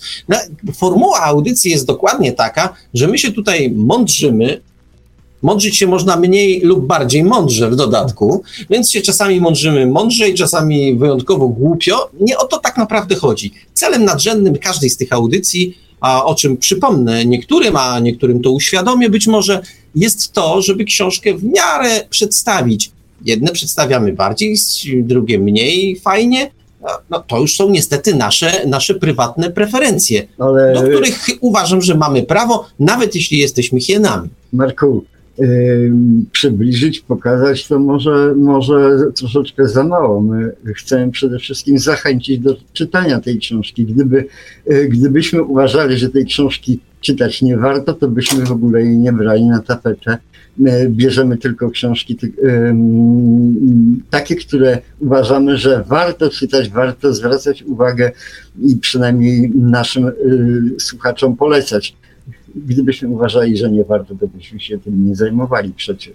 Okay. Chociaż ja zachęcam, żeby najpierw trochę dowiedzieć o fizyce, a dopiero potem mierzyć z draganem, bo można być zapędzonym. Oj, oj, oj, no znaczy generalnie to nie mogę się nie podpisać pod tym, co powiedział Tomek, bo zawsze lepiej coś zgłębić bardziej i dopiero... Nie, nie ale bo to jest wyśmiała prawda, bo chcieli, żebyśmy mówili o nauce. I właśnie to jest pewną, moim zdaniem, w ogóle jest pułapką poznawanie fizyki poprzez doświadczenia ponieważ doświadczenia jednak przeważnie są konsekwencją teorii. No tak, no ale w tym wypadku już kiedy on mówi o, o czarnych dziurach, to trudno no, mówić o jakimś doświadczeniu. Czarne dziury też się wzięły, najpierw był model okay. Einsteina, a nie, potem... Nie, ale tu w ogóle nie ma, nie ma mowy, żeby, żeby w ogóle... E, no właśnie, doświad... tak nawołuję, żebyś to tłumaczyć jakoś obrazowo, no sorry, najpierw model, potem... Ale okej, okay, no, no, ale to już jest, model to jest jego sprawa. się idzie w to, nie? I on rozumie te doświadczenia i on dużo rozumie, co pod nimi jest. Nie, ja tylko pokaz... chciałem się poka... chciałem pokazać, że Dragan jest nierówny w tych swoich no. tłumaczeniach, bo kiedy mówi o czarnej dziurze, to fajnie to przedstawia. Kiedy pisze, o, kiedy pisze o horyzoncie zdarzeń, o tym, jak to się wszystko tam prawdopodobnie, bo on nawet używa, prawdopodobnie się kitłaci tam to wszystko, jak to jest z tymi czarnymi dziurami, to przedstawia stan wiedzy na dzisiaj. Zresztą sam to podkreśla, że my już to mówiłem, wiemy o tym świecie to, bardzo mało. To jest dobry moment, żeby to pytanie tam, co wcześniej... A no właśnie, właśnie. Dostaliśmy, y, dzi, dostaliśmy dzisiaj od jednego ze słuchaczy y, pewne pytanie. Ja myślę, że to jest pytanie, to jest pytanie dla, y, dla tak naprawdę dla Tomka Fonsa, bo jednak zdecydowanie... Znaczy, ja wiem, kogo zapytać, ale nie wiem, czy sam coś mądrego powiem, no ale po... Okay. ale, ale w takim razie... W, komentarzach w takim razie, Tomku, jakbyś, jakbyś zechciał, zechciał przybliżyć, yy, przybliżyć pytanie Marka Myszograja, to a właściwie co? pewną refleksję, którą on, którą on zgłosił. To nie przeczytasz mi tego na głos, ja No dobrze, to ja postaram się. Witam panowie. Odnośnie dzisiejszej audycji, nie jestem pewien, czy będę mógł dzisiaj na bieżąco uczestniczyć w audycji, dlatego postanowiłem napisać pewne skromne spostrzeżenie. Temat dotyczy oczywiście mechaniki kwantowej. Ogólnie panuje chyba takie przekonanie, że mechanika kwantowa y, nie łączy się z fizyką Newtona. No ale zakładając, że na przykład foton nie ma masy, jego waga jest zerowa, to podstawiając tę wielkość do wzoru F równa się kilogram razy metr e, przez sekundę kwadrat, to czy... No, a to jest pewna niekonsekwencja, tak jak on tutaj napisał, nie? Bo F to jest siła, a on potem leci jednostkami. Siła to jest e, e, masa razy odległość przez sekundę kwadratu, tak? A siłą jednego newtona nazywamy taką siłę, która ciele o masie jednego kilograma nadaje, pręd, nadaje przyspieszenie e, jednego metra na sekundę do kwadratu. Tak, więc newton to jest kilogram razy metr na sekundę kwadratu, a F no to jest masa razy przyspieszenie. Okej, okay, ale to, skończę. To czy tak nie jest, że wynik jest zerowy? Nie ma określenia czasu i przestrzeni dla cząstek elementarnych. Czy czas i przestrzeń pojawiają się w momencie wytworzenia się masy? Dobra, i teraz jak mówimy o czasie i przestrzeni, to, to, to nie wiem, jak fizyka kwantowa definiuje czas i przestrzeń, nie jestem pewien i z książki Dragana to nie wynika. O czasie i przestrzeni Dragan pisze w kontekście relatywizmu.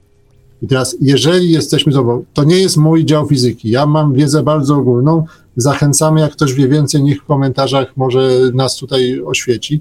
Niemniej, no najbardziej znane równanie Einsteina przyrównuje, znaczy no, wyraża masę poprzez energię.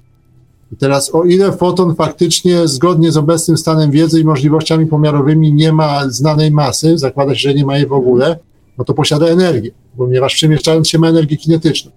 No i ta energia jest zrównana z pewną masą w myśli Einstein, e, równania Einsteina, tak, że e, M równa, M, albo, M, albo. energia równa się tak masa razy prędkość światła do kwadratu, tak? Więc e, tak to jest, no i Dragan o tym pisze, że, no, że to światło podlega grawitacji. Pisze o tych efektach, mhm. że gdzieś tam podczas zaćmienia słońca było widać... Które nawet właśnie no, można doświadczalnie... Można doświadczalnie, tak, czyli, tak. czyli to, to, ale to jest relatywizm, to zakrzywianie, zakrzywianie światła grawitacyjnego to jest właśnie relatywizm, który gdzieś tam się kończy na czarnej dziurze, ponieważ ta czarna dziura jest tym, gdzie tutaj no, jest ten rozdziew pomiędzy kwantową a relatywistyczną teorią i tym się Dragan naukowo zajmuje. Więc tyle jestem w stanie powiedzieć, to zachęcam do, do komentarzy.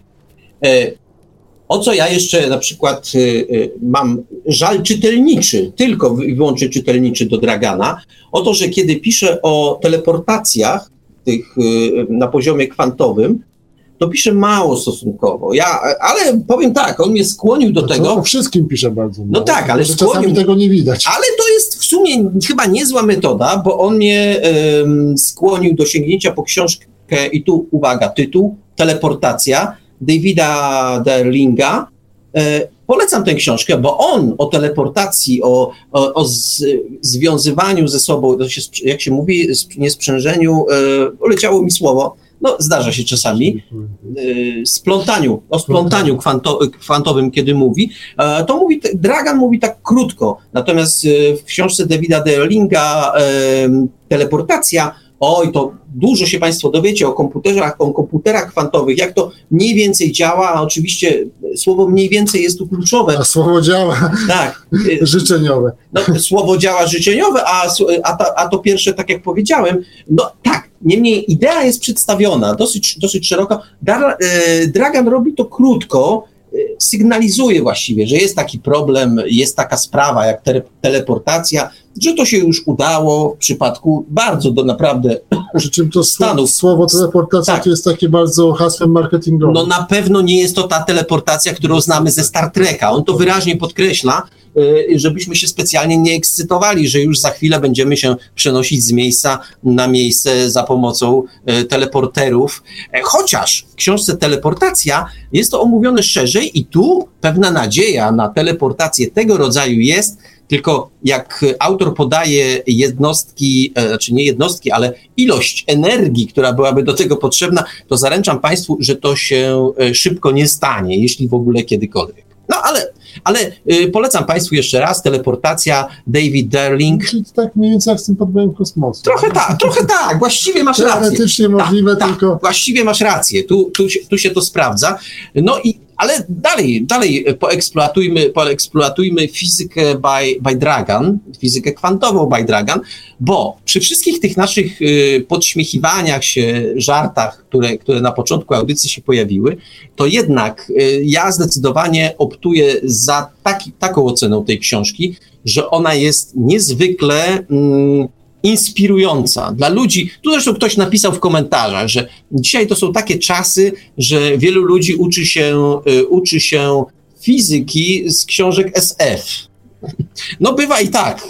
Jeśli się komuś zdarzy, to dobrze, jeśli się nawet z SF-ów uczy, pod warunkiem, że SF-y są dobrze odrobioną, y, dobrze odrobioną współczesną wiedzą, y, współczesnym jakby postrzeganiem fizyki. Czasami bywa jednak to jakaś fizyka, fizyka magiczna wręcz, e, nawet w książkach SF, które teoretycznie były, powinny być, e, powinny z nauką mieć coś wspólnego. No, czasami to nie jest ta nauka, e, którą wszyscy znamy, tylko jakaś wymyślona przez autora, bywa. Natomiast Andrzej Dragan zdecydowanie jest osobą inspirującą. Każdy, no może nie każda. Ktoś, kto interesuje się nauką, a lubi takie wątki science wplatać do, do, do tego, co na przykład pisze, to tu znajdzie sporo inspiracji. Nie mówię takich wprost, to nie da się tak, że się przepisze kawałek Dragana i będzie się miało komentarz, komentarz naukowy w swoim opowiadaniu. Nie, ale to są takie, y, takie, takie momenty w książce Dragana, kiedy to jest naprawdę inspirujące, kiedy człowiek mówi sobie, a, to teraz przerywam lekturę pomyślę sobie troszeczkę o tym. Ja na kilka takich momentów trafiłem, to były właśnie na przykład czarne dziury. Oczywiście czytałem po raz kolejny, znowu ktoś mi tłukł do głowy, jak to z tymi czarnymi dziurami jest. Jedno do mnie trafia bardziej, drugie do mnie trafia mniej. Niemniej jednak im więcej takich powtórzeń, a Dragan był, powtarzam, kolejnym powtórzeniem, to jednak jakieś, jakieś takie zastanowienie, zastanowienie, jakaś taka refleksja owocująca tym, że to się później przerabia jakoś, mniej lub bardziej na literaturę, jest. I ja uważam, że za dużą wartość tej książki. Szanowny nasz Nestorze literacie, co ty na to? Mm, no, nie wiem, czy to wynika z tej książki, ale ja miałem takie wrażenie po trakcie czytania tej książki i analizowaniu mentalności jednak fizyka teoretyka, to mm, zobaczcie, jest taki paradoks dziwny, pojawił się przynajmniej właściwie w ostatnim tysiącu lat, że kiedyś na, w, w punkcie wyjścia naszej cywilizacji, naszego gatunku Homo sapiens, myśmy żyli w takiej czarnej skrzynce, która była wszechświatem. Nie rozumieliśmy jej, próbowaliśmy ją poznać, tworzyliśmy teorię, do czegoś docieraliśmy, no i może stąd się wziął postęp nauki, techniki i tak dalej, ale to się działo do pewnego czasu. W XX wieku nastąpił przełom, według mnie.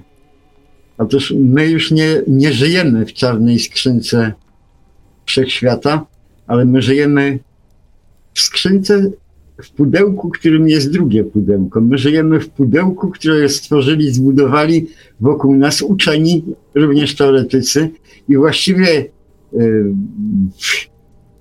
co to pudełko ma wspólnego ze światem, to jest my właśnie sami żeśmy zbudowali pudełko wokół siebie, taką czarną skrzynkę, której absolutnie człowiek normalny z, nie rozumie, Zresztą nie ma po co tego rozumieć, bo na cholerę e, komukolwiek, jakiemukolwiek obywatelowi na Ziemi, e, na cholerę e, rozumienie fizyki kwantowej.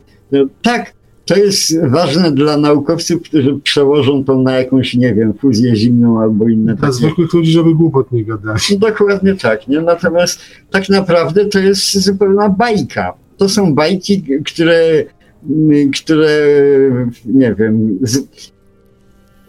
pisarze piszą na własną odpowiedzialność książkę science fiction na przykład, natomiast uczeni mm, zbiorowo tworzą mit nauki, która być może, nie być może, ale raczej na pewno ze, z wszechświatem jako takim nie ma nic wspólnego.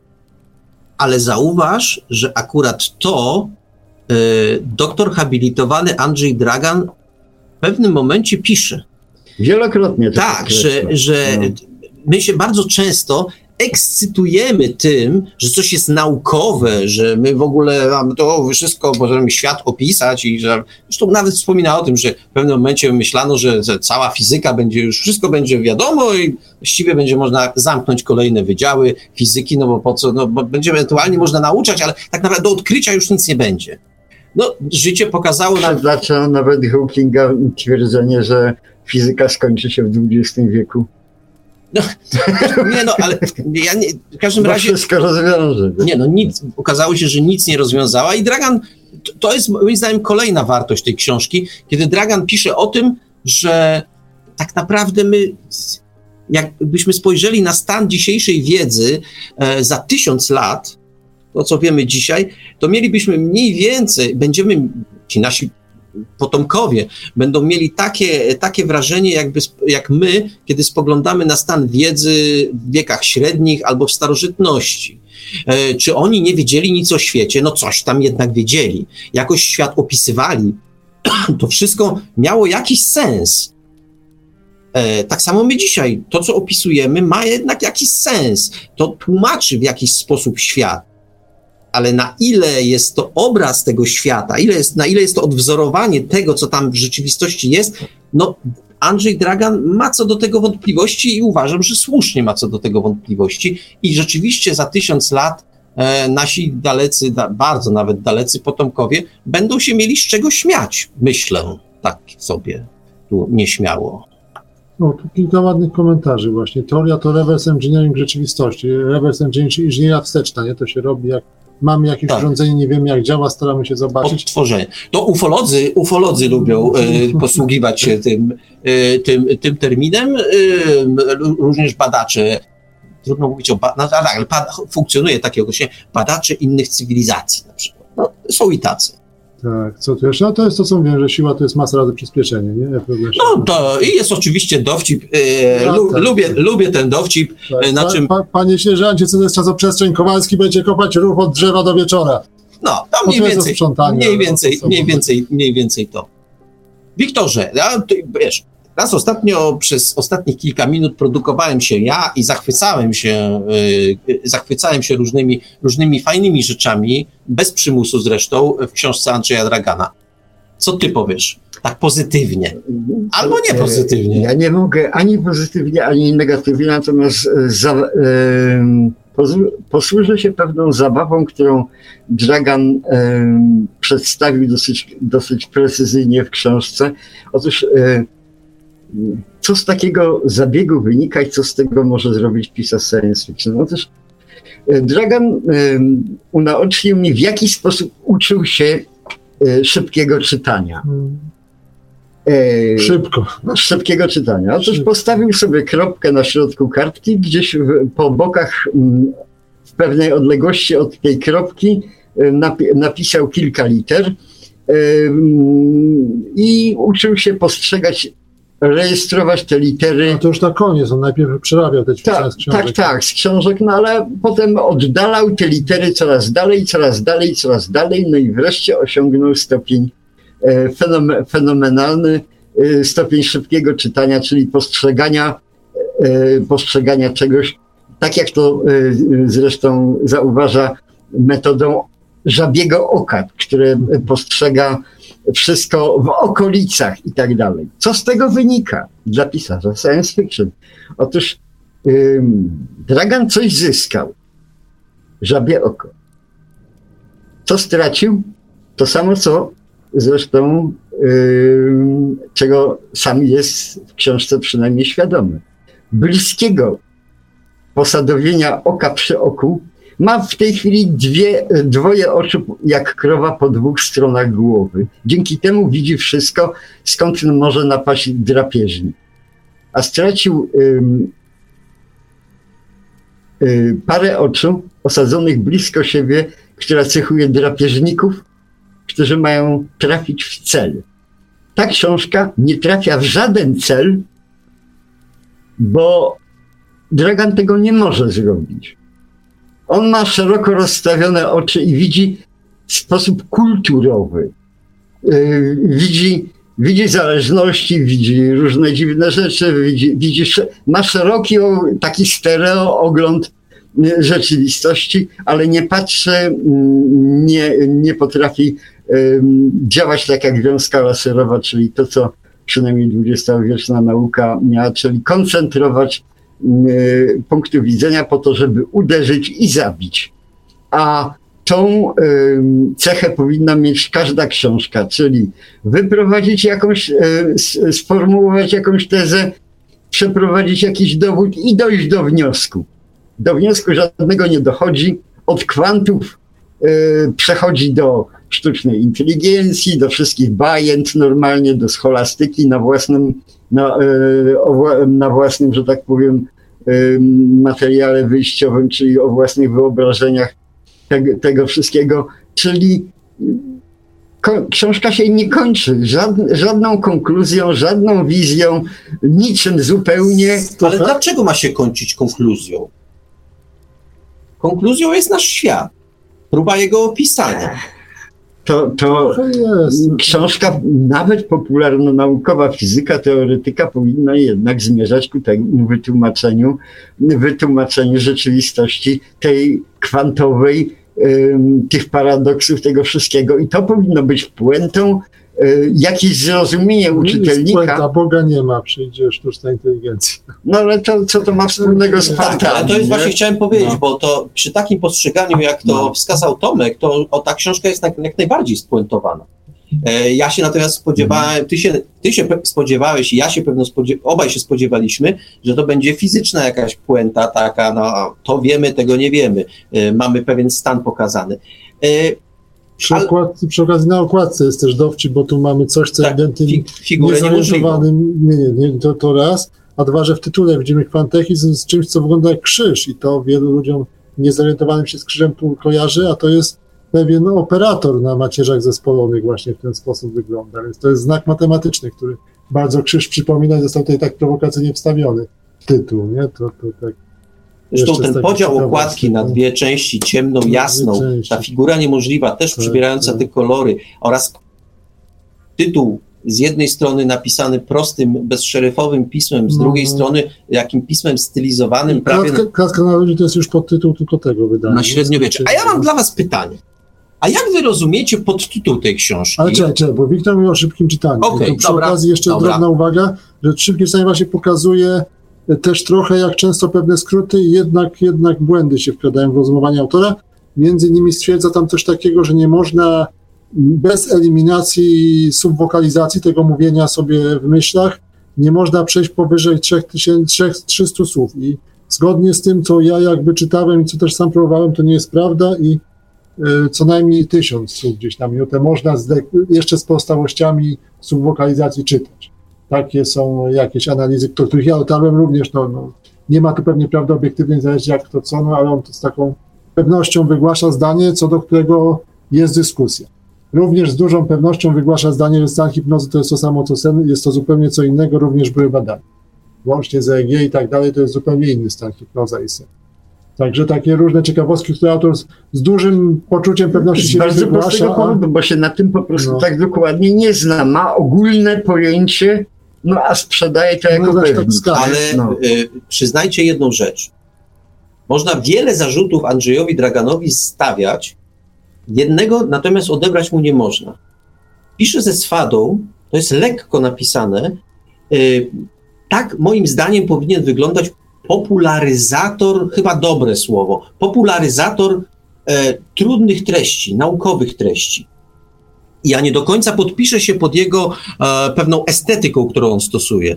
E, nie wszystkie dowcipy mnie bawią, no ale ja nie jestem punktem odniesienia e, w końcu. No, czarny humor jak nogi, tak? No, każdy ma. Tak, no oczywiście, ale ja nie jestem punktem odniesienia. Jednemu to pasuje bardziej, drugi, drugiemu mniej. warto natomiast podkreślić, że on, mm, mówię tu o autorze, czuje się troszeczkę jak ryba w wodzie. On naprawdę dobrze się sprawdza, jako ten y, y, celebryta, ale taki naukowy celebryta. On się naprawdę świetnie sprawdza jako popularyzator. Nie, My w tej chwili. Poczekaj, poczekaj, no, ja wiem, co chcesz powiedzieć. On oczywiście ma szereg niedociągnięć. Ty nie jesteś zadowolony, zaraz o tym powiesz. Niemniej jednak prowadzę do tego. To jest książka, którą się świetnie czyta czy ona spełnia swoją rolę, to a to, to zupełnie możemy podyskutować. I pewno o tym chciałeś powiedzieć. Marku, popularyzatorsko to w ogóle to jest porażka. Natomiast jeśli chodzi o literackość, to jest wyśmienita książka. Dobrze, to jest inna definicja no, tego, co powiedziałem. Trochę tak, ideologiczność. Tak, tak, no tak, jest, znaczy to, to mnie w tej chwili e, mocno nurtuje, to co powiedział Tomek, ta i pewna ideo, jakby nie podejrzewałem go o taką perfidię, ale teraz kiedy analizuję no, tę treść... To jest bardzo aktywny na portalach ateistów, takich, takich ludzi, co to obalają religię dlatego, że nie można słońca zatrzymać, a w jakiejś świętej księdze się zatrzymało i to pokazuje, że to nie jest prawda o świecie, co tam piszą na tego typu jakby poziom rozumowania tam był. Oj. W jednym z wywiadów, w którym. Oj. Znaczy on tego nie mówił, ale jego rozmówca coś takiego wygłaszał. Rozumiem. Także on e, dosyć no. aktywny jest w tych strach typu ateista.pl i tak dalej, czy, czy tam nazywa. No tak, jako ale gość, ale, no, Okej, nie, ale to- udział. To jakby dobrze pokazuje, że, y, że naprawdę wpada w pułapkę, którą, o której sam pisze wcześniej. Poza tym, powiem wam, y, poza fizyką kwantową, którą opisuje, znaczy tymi elementami, fizy- elementami fizyki, fizyki kwantowej, którą, które opisuje, y, które są dla mnie naprawdę magią, nie, nie chodzi o to, że czarną magią, tylko pewną magią. Ten świat e, jest do pewnego stopnia magiczny. I zastanawiam się, jak to się dzieje, że ludzie, którzy e, gotowi są e, odrzucić na przykład ideę Boga, no, ja nie mam do nich pretensji żadnej, e, ale jednocześnie gotowi są przyjąć tak dziwne rzeczy, jak dzieją się w świecie kwantowym, e, które też jakby one są, zostanie przysłowie, też sprawiają pozór e, e, magiczności. To rzeczy, które się dzieją w świecie kwantowym, to pojawianie się, znikanie, coś wychynie z niebytu, a później zniknie. To też, to, to właściwie są podobne rzeczy, podobne zjawiska, jak, nie wiem, w powieściach fantazy właściwie. No i to, to, jest dla mnie, to jest dla mnie niezrozumiałe, że ktoś z jednej strony odrzuca coś, bo jest wsteczne i, i średniowieczne, a z drugiej strony mówi, "A, patrzcie, to jest nowoczesne, ale właściwie mechanika tego jest taka sama. Tego świata przedstawionego. Czyli tu coś znika i tu coś znika. Tu się pojawia tak ex nihilo i tu też się pojawia. I co? To jest dobre, to jest złe. No, ale to, to jest jest- na poziom tak ogromnego uproszczenia. No że- tak, no ale e, Że strach cokolwiek powiedzieć, na tym poziomie wszyscy mamy rację. Nie, nie, no oczywiście, że tak. Dlatego ja cały czas bronię książki y, Dragana, jednocześnie sprytnie i podstępnie ją atakując. Jakieś pytania Ale się pojawiają. pytania są, to czytajmy U góry temperatury, tutaj jest coś, co ten o, prosi, prosi autor o korektę, że temperatura to w skrócie prędkość zdarzania się ze sobą atomów. Nie można zejść poniżej 0K, bo zatrzymanie atomów. y, Znaczy nie do końca prędkość, bo jednak prędkość ma, to jest przeważnie jakiś kierunek jeden, jeden y, niezmienny w prędkości. Temperatura y, i w ogóle nie temperatura, tylko raczej zdaje się ciepło, czy jakaś energia cieplna to jest pewna energia zgromadzona przez losowy ruch atomów w przestrzeni, ale no niekoniecznie prędkość, bo kierunek się zmienia, więc to jest raczej pewna energia kinetyczna atomów, ona jest wyrażona poprzez ciepło, a temperatura, o ile dobrze pamiętam, to jest jakaś różnica, różnica tej energii. Posłuchajcie, Teraz co, przepływ- co, przepływ co, Tomek w tej chwili mówił, nie? Mówił o... Bo tu pad, pa, padło pytanie. Tak, tak, ale, ale Tomek komentuje to, komentuje to, a przed chwilą powiedział, że atomów praktycznie biorąc nie ma, ale dalej odnosi się do atomów, nie? nie czyli my... Nie, nie, nie, to znaczy atomów, no znaczy wiesz, do tego stołu nie ma, ale to jest, o, to jest, powiem ci jak to jest, to No. pięknie, pięknie zostało wyrażone w moim, jednym z moich ulubionych takich teatrów telewizji, E, teatr telewizji nazywał się Pierwiastek z minus jeden i tam Wiktor Zborowski gra diabła Mhm. i diabeł mówi, ja jestem pierwiastek z minus jeden, mnie nie ma, ale beze mnie nie byłoby bomby atomowej.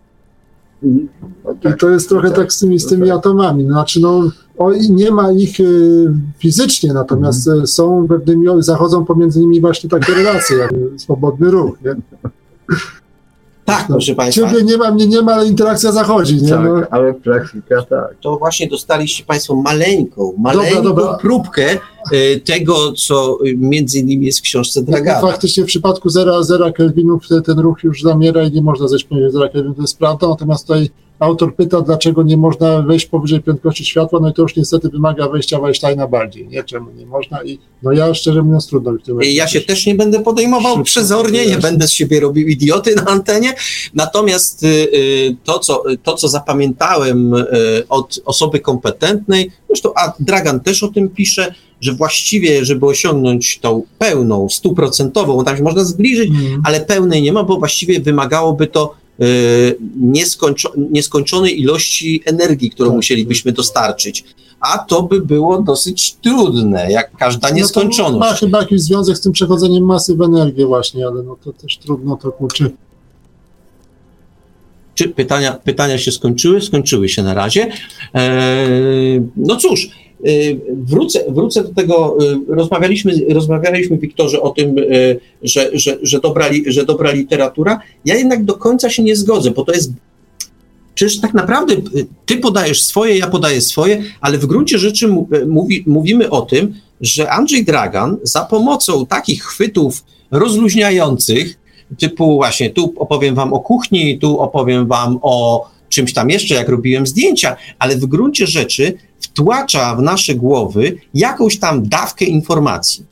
Czy to jest działanie szkodliwe? No moim zdaniem nie. Jak najbardziej e, coś na sicie zostanie. Boję się, że ktoś tam gdzieś uwierzy, że rozumie fizykę. I no tak, tego się należy bać, to bo... może e, prowadzić w niedobrych wnioskach. Ja w ogóle Wiesz co, to jest w ogóle, ja, ja często się źle czuję, jak ty mówisz to o tym, że trzeba myśleć samodzielnie, bo to moim zdaniem, zwłaszcza przy dzisiejszym poziomie złożoności świata, częściej prowadzi w mało rozsądne strony niż, niż w dobre. Eee, no to się będę tłumaczył, tłumaczył z tego. Myśleć samodzielnie. W tej książce jest trochę ryzyko, że ktoś zacznie myśleć samodzielnie o fizyce kwantowej i to, to, jest, to jest... No tak, tak, o tym nie pomyślałem. E, e, znaczy, ja zakładam pewno, pewno niesłusznie, naiwnie, że myśleć można o tym, co się rozumie a y, wszystko inne można przepuszczać przez swoją głowę, ale nie uwzględniłem w tym, w tym rozumowaniu tego, że czasami mamy złudzenie, że coś rozumiemy i wtedy się zaczyna problem. Rzeczywiście, a rzeczywiście tak jest. autor tutaj akurat cenie wyjaśnia, praktycznie zawsze mamy złudzenie, że rozumiemy.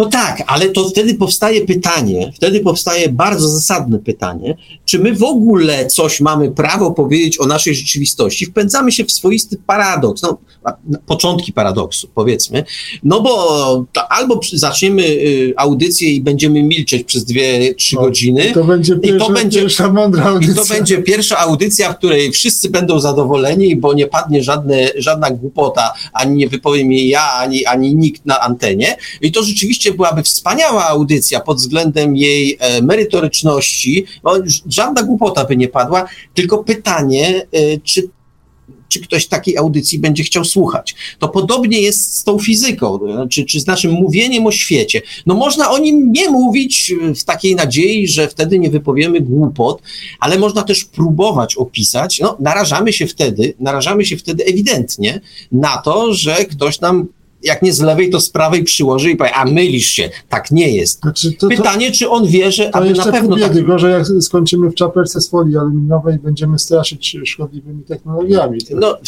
a już się o to ocierasz. Ale przepraszam, przepraszam, to też tak nie jest, bo z drugiej strony, kiedy mówiłeś o szkodliwości te, o nieszkodliwości, czy też szkodliwości technologii, że to właściwie efekt jest statystyczny, no tak, bo nigdy nie ma tak, pewności. Ale no to nie, nie, to, że nie ma żadnej nie, nie, nie, nie, to takie proste nie jest, bo on jest owszem statystyczny, natomiast mechanizm oddziaływania na przykład pewnych szkodliwych substancji e, na e, komórki jest opisany, tylko z jakiegoś powodu rzeczywiście jest tak, że jednych chwyta szybciej, drugich później.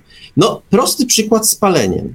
Jednak y, wśród palaczy odsetek tych, którzy zapadają, zapadają na różnego rodzaju choroby, w tym nowotworowe, no jest ewidentnie... Nieprawda. Nie, nie, ty jesteś oczywiście żywym zaprzeczeniem, bo już nikotyna walczy z tobą od, od wielu, wielu, wielu, wielu lat, natomiast to ewidentnie tak jest. Nie, Marku, tak nie jest. Ba badania, badania, e, badaniom się poddaje ludzi pal palących yy, i stwierdza się, że skoro badamy ludzi palących, to rzeczywiście u nich jest ten procent bardzo duży. Natomiast jeżeli się do tego dołączy socjologię, czyli e, warunki życiowe ludzi, e, którzy palą papierosy, ich psychologię, czyli na przykład kwestie, na ile funkcjonują w stałych związkach yy, osobowych. Coś jest, tak powiem, że palenie szkodzi przez to, że żona głowę suszy, tak? nie, Wiktorze. To są bardzo ja śliskie rzeczy. Ja bym, ja bym nie brnął w to, bo facet, który reklamował Marlboro w latach 70., kopnął w kalendarz z powodu raka płuc, zaręczam ci, że dostał taką kasiorę za te, za te reklamy Marlboro i e, ja nie, nie było mu z nim nic, nic źle, po prostu kopnął w kalendarz, bo palił tyle, bo jego, do jego obowiązków służbowych należało e, publiczne wypalanie iluś tych Malborasów. Wiesz co, nie dyskutujmy o tym, czy palenie jest szkodliwe, bo pójdziemy w zupełnie nie tę stronę, którą powinniśmy iść. Natomiast powiem tak, y, ja odnoszę w ogóle wrażenie, że y, jakby idąc y, tropem pewnego szaleństwa, y, że, bo rzeczywiście jest tak, że dzisiaj co chwila wszystko jest szkodliwe. życie jest ogólnie bardzo szkodliwe dla zdrowia. Tak, życie jest bardzo szkodliwe dla zdrowia i kończy się, kończy się na ogół śmiercią. Czytanie książek jest szkodliwe, bo się umiera. No tak, tylko związku logicznego Jak nie, nie bardzo, Po kilkudziesięciu latach czytania książek każdy umrze. ale nie z powodu. Natomiast wiesz, Jak mówię- to A nie? skąd wiesz? A skąd wiesz? No właśnie. no dobrze, to by wymagało pewnego, pewnego dłuższe, dłuższego przemyślenia. Nie, nie. Panowie, no nie wmówicie, jednak y, te, te badania dotyczące na przykład różnych szkodliwych czynników, zostawmy palenie, Nie trzeba ja badać. wiem, ja Wszyscy wiem, ludzie, nie, którzy czytali książki umarli. Nie, nie. 100% Nie, nie, A ty nie. palisz i żyjesz. A ja palę i żyję. Nie, nie. Oczywiście, można wszystko sprowadzić do absurdu. Odejdę w związku z tym od nikotyny, bo to wzbudza e, w tym gronie niezdrowe emocje. E, powiedzmy, mechanizm działania trucizn różnego rodzaju na organizm człowieka, absolutnie nie nikotyna, e, jest, ogól, jest ogólnie znany. Wszystko. Ale są Absolutnie. bardziej toksyczne i mniej toksyczne trucizny. Nie, nie ma. Wszystkie nie, nie, nie. To jest dalekie nadużycie, nadinterpretacja, a wcale tak dużo nie wypiłem. Chwileczkę, chwileczkę. Wiktorze, przy, gdyby brać y, tak wprost to, co mówisz, to y, byłoby obojętnie, czy łykniemy y, łyżeczkę soli, czy łyz, łyżeczkę cjanku. Gdyby nie było różnicy. No jest różnica i ona jest ewidentna. Dobra, zostawmy trucizny, y, bo ani pewno y, ja nie przekonam kogoś, kto, kto trucizny lubi, ani ty nie przekonasz przeciwników. Wróćmy przezornie. Słuchać się domaga, żebym prowadził korepetycje z fizyki jeszcze w radiu. To, To nie jest, proszę Państwa, to nie jest zły pomysł. to jest zły pomysł z kilku powodów. Po pierwsze, moja wiedza jest bardzo ograniczona i bardzo wyrywkowa, a po drugie, korepetycje z fizyki w radiu kojarzą mi się, jak kiedyś próbowałem słuchać właśnie Penrose'a w audiobooku. No niestety, jak zaczynał się jakikolwiek wzór, no to już robiłeś to surrealistyczne, kiedy jednak kilka linijek wzorów mi lektor przybliżał, no nie byłem w stanie sobie tego wyobrazić. Ja myślę, że słuchacz miał na myśli e, to, co deklarowałeś, się, czyli, to- czyli fizykę newtonowską. No ale to nadal bez... Ale okej, okej, ale te wzory są, deczko proszę, no, a poza tym zależy jak daleko one zamierzasz się... są proste, dopóki są o niczym. Kiedy mówisz, wiesz... O Zaraz, zaraz, ale zależy też jak daleko zamierzałbyś się wspinać w, tej kory, w tych korepetycjach. Jakbyś pozostał na jakimś takim średnim poziomie, to jednak Dowcip tam... na tym, że poziom średni jest głupkowaty, bo przeważnie całe liceum, Kuźwa! całe, całe, całe, nie, bo całe liceum uważa się młodzież za idiotów, zresztą przeważnie słusznie, więc nie, za trudno jest włożyć jedną prostą regułę różniczkowania, w związku z czym trzeba wykuć, wiesz, e, pół tablicy tych wzorów na prędkość, przyspieszenie w różnych przypadkach, żeby nie jednej reguły, że prędkość jest pochodną przemieszczenia, a przyspieszenie pochodną prędkości, no. To jest za trudne, więc y, tłumaczę tego kilka stron, ja tego nie słuchałem nigdy w życiu. Jak trzeba, to sobie to wyprowadzam, a jak nie, to, to, to nie. No, ale to, to jest tanie, bo ta matematyka licealna, tam ci, wiesz, jest bardzo prosta reguła tam rozwiązywania równań kwadratowych, nie oni ci trzy przypadki rozpiszą. I każą się uczyć tego na pamięć i tutaj jest, tutaj jest ta delta, tu nie ma tej delty, nie, w ogóle nie wiedzą skąd się to bierze. Nie, żebym się jakoś specjalnie wyznawał na matematyce. Nawet kilka razy w życiu e, ona mi mocno przeszkodziła. Natomiast z tego, co pamiętam, to i tu padnie słowo kluczowe, za moich czasów, panie, to jednak było zdecydowanie inaczej na tej No matematyce. nie, no za- to wtedy się może jeszcze czegoś uczyło, to prawda. E, nie, żebym, pa- nie żebym pamiętam, był jak- nauczony, ale to ode mnie na maturze ściągali matematykę. Tak, tak, tak. Co jest swoistym Tak. kuriozum, że akurat ode mnie. Pamiętam, jak się do mnie młodzież zgłosiła z równaniem kwadratowym, młodzież licealna, znajomy kolega. To, to, to mówię, że to właśnie jest ta delta, wyróżnik równania kwadratowego, to się mądrze nazywa. Podręczniku rodziców y, to było wyprowadzane. W moim liceum że, żeśmy się tego uczyli na pamięć. A wy, o elito intelektualna XXI wieku, moglibyście chociaż kurde wiedzieć, że to jest na Wikipedii. No, zawsze pozostaje wiara. Zawsze pozostaje wiara, że tak jest. Ale panowie, ja już zadałem to pytanie, to je zadam konsekwentnie dalej. Jak wy odczytujecie e, podtytuł książki? Kwantechizm, czyli klatka na ludzi. Coś o tym powiedzmy, no bo skoro podtytuł jest, to go warto jakoś tam mm, skomentować chyba. Nic, ja, ja to czytuję tak jak powiedziałem, że mm, w sumie y, ten model pudełka w pudełku, a na najmniejszym pudełku wyskoczy króliczek, ale o tym jeszcze nie wiadomo skąd i jak. Natomiast to pudełko w pudełku, nauka tworzy pudełko, klatkę na ludzi. Ona w jakiś sposób funkcjonuje w świecie i ja, ja to tak rozumiem. No to znaczy ona z, rzeczywistością, ze światem nie ma nic wspólnego. To jest teoria, to jest budowla nasza, tak samo, tak samo trwała jak piramidy, czyli nauka. Nauka jest strukturą architektoniczną, którą po prostu, w której my zamykamy swoje myślenie, swoje postrzeganie świata i poza tym, poza tą chatą, czasami bez okien, świata już nie dostrzegamy. Tak. Ja zanim Tomkowi oddam głos, to powiem, że podoba mi się ten tytuł. E, Korki z fizy z fonsem. No, chyba też bym słuchał. Dobrze, Tomku. E, ta klatka. Klatka to jest w książce wyjaśnione. Ja tam się do tych skinnerowskich, y, to się nazywa warunkowanie sprawcze, zdaje się, w psychologii, czyli to warunkowanie, gdzie zwierzę musi coś zrobić, żeby dostać pożywienie. Nie? I Jest. Eksperyment ze świnią tam jest opisany, że tam te świnie właśnie musiały coś tam robić i tam była duża świnia, mała świnia i i duża coś robiła, mała coś robiła, potem duża musiała pracować na to jedzenie, mała jej podbierała, no tam takie historyjki są w książce opisane, dosyć zabawne. No i autor co, no pisze, że ta świnia się zastanawiała, jak działa jej klatka, no a on jako ta wyższa forma się zastanawia, jak jego klatka działa, nie? Skąd się świat bierze i no i tak, no więc jest to do, dochodzenie do tego, jak ta klatka działa, czyli, No ten, tak, czyli, czyli mam, świat, czyli pewna rzeczywistość przedstawiona, Jasne. z którą się mierzymy, nie? prowadzę do tego, że można wysnuć taki wniosek, że autor wie, jak działa klatka, Nie, że chce dociec. chciałby dociec, tak, no, okej, to przepraszam, to za duży skrót myślowy, chciałby dociec, jak działa klatka, ale też y, stąd się wziął ten skrót myślowy, ale jednak wie sporo więcej niż, przeciętna, niż przeciętny zjadacz chleba i on stara się nas wszystkich natchnąć tym, żebyśmy funkcjonowanie tej klatki jednak badali. E, no, za duże, to znowu nadużywam, ja dzisiaj coś nadużywam słów. Może nie tyle badali, co, co też starali się za jego pośrednictwem zrozumieć. To tak, tak, można, by, tak można by to. E, Czyli koniec końców, iż studiować fizykę, wtedy oni wszyscy więcej zarobią. no to jest jakiś sposób. To jest Ale, jakiś sposób. e, Zwróćcie uwagę, że, że e, Dragan podał tam przykład, e, który się bardzo z tą, tą taką klatką wszechświata i naszym funkcjonowaniem w tej klatce bardzo kojarzy, czyli mit cargo.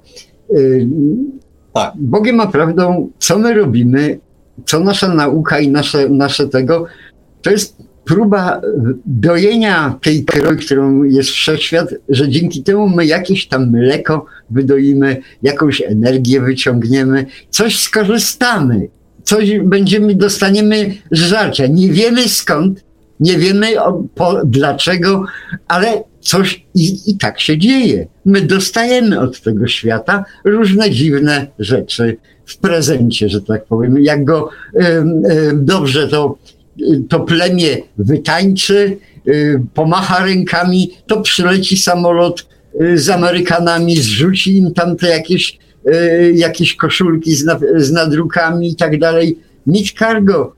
I ten mit cargo funkcjonuje właśnie w całym świecie naszym. My tak funkcjonujemy jak to plemię Okej. tubylcze. ale też ja nie mogę oprzeć się takiemu wrażeniu po, po, po lekturze książki Dragana, że on nas jednak y, w jakiś sposób stara się ukształtować jako, jako odbiorcu, o- odbiorców treści, treści przez, niego, przez siebie przekazywanych.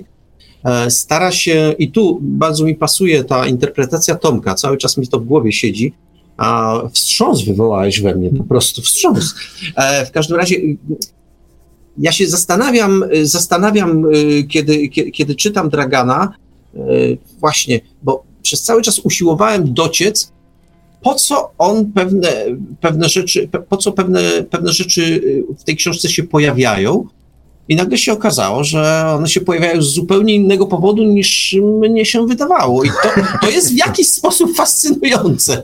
No, ja wiem, że ja o tej fizyce to y, może nie za długo i nie i za często się powinienem wypowiadać. Niemniej, tak jak powiedziałem, y, kiedy, kiedy Dragan, y, Dragan opisuje ró- różne elementy, kiedy pisze o tuzach nauki, o Boże, o Einsteinie, no, tam się pojawiają elementy, y, elementy, nazwijmy je rozrywkowe, czy powiedzmy takie przyczynkarskie, dowcipne, ale pojawiają, pojawia się też twarda wiedza na temat tego, jak oni, jak pewne rzeczy, co jest ciekawe, jak pewne rzeczy fizycy rozumieli, ale też jak ich nie rozumieli i ze swojej niewiedzy czasami wyprowadzali różnego rodzaju teorie i zastanawiam się, czy te teorie nie powstawały czasami po omacku, wręcz po omacku, on to sugeruje zresztą, że one powstawały tak, o, na pstryknięcie palca, a później starano się je jakoś tam dorobić. Zracjonalizować. Zracjonalizować, to co, to, to, co pisze o tym mechanizmie. Są buty. W podręczniku psychologii taki cudowny anegdota, to jeszcze pamięta Cyber Jokeja, nasz super, bardzo mi miło. E, No, w każdym razie na podręczniku psychologii była taka metafora, anegdota, że co to jest nauka? No nauka to jest szukanie czarnego kota w ciemnym pokoju.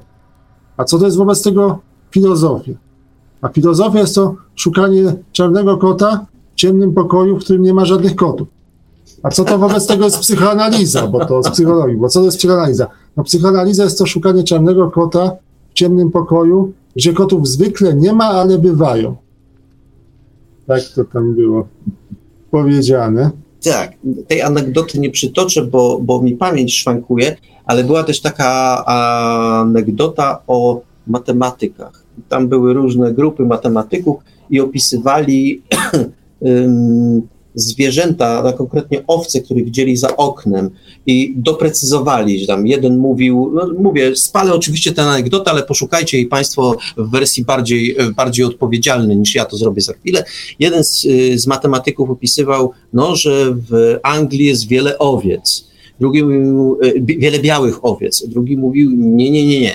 E, W, w Anglii jest wiele owiec, które przynajmniej z jednej strony są białe, i tak dalej, i tak dalej. No, tak jak powiedziałem, pamięć szwankuje, a pewna precyzja w wypowiadaniu, w wypowiadaniu tej anegdoty e, jest ważna, bo matematyka też e, może zawężać pewne, pewne obrazy, czy, czy wręcz e, wchodzić na terytoria logiki matematycznej. Tam się do, te, do, tego, było, do tego były odwołania, więc warto, te, warto ten świat poznawać. Znaczy, ja mam wrażenie, że po prostu Dragan w niektórych momentach robi taką metodę, przechodzi od, w sumie moim, taką, taką nauczycielską metodą troszeczkę.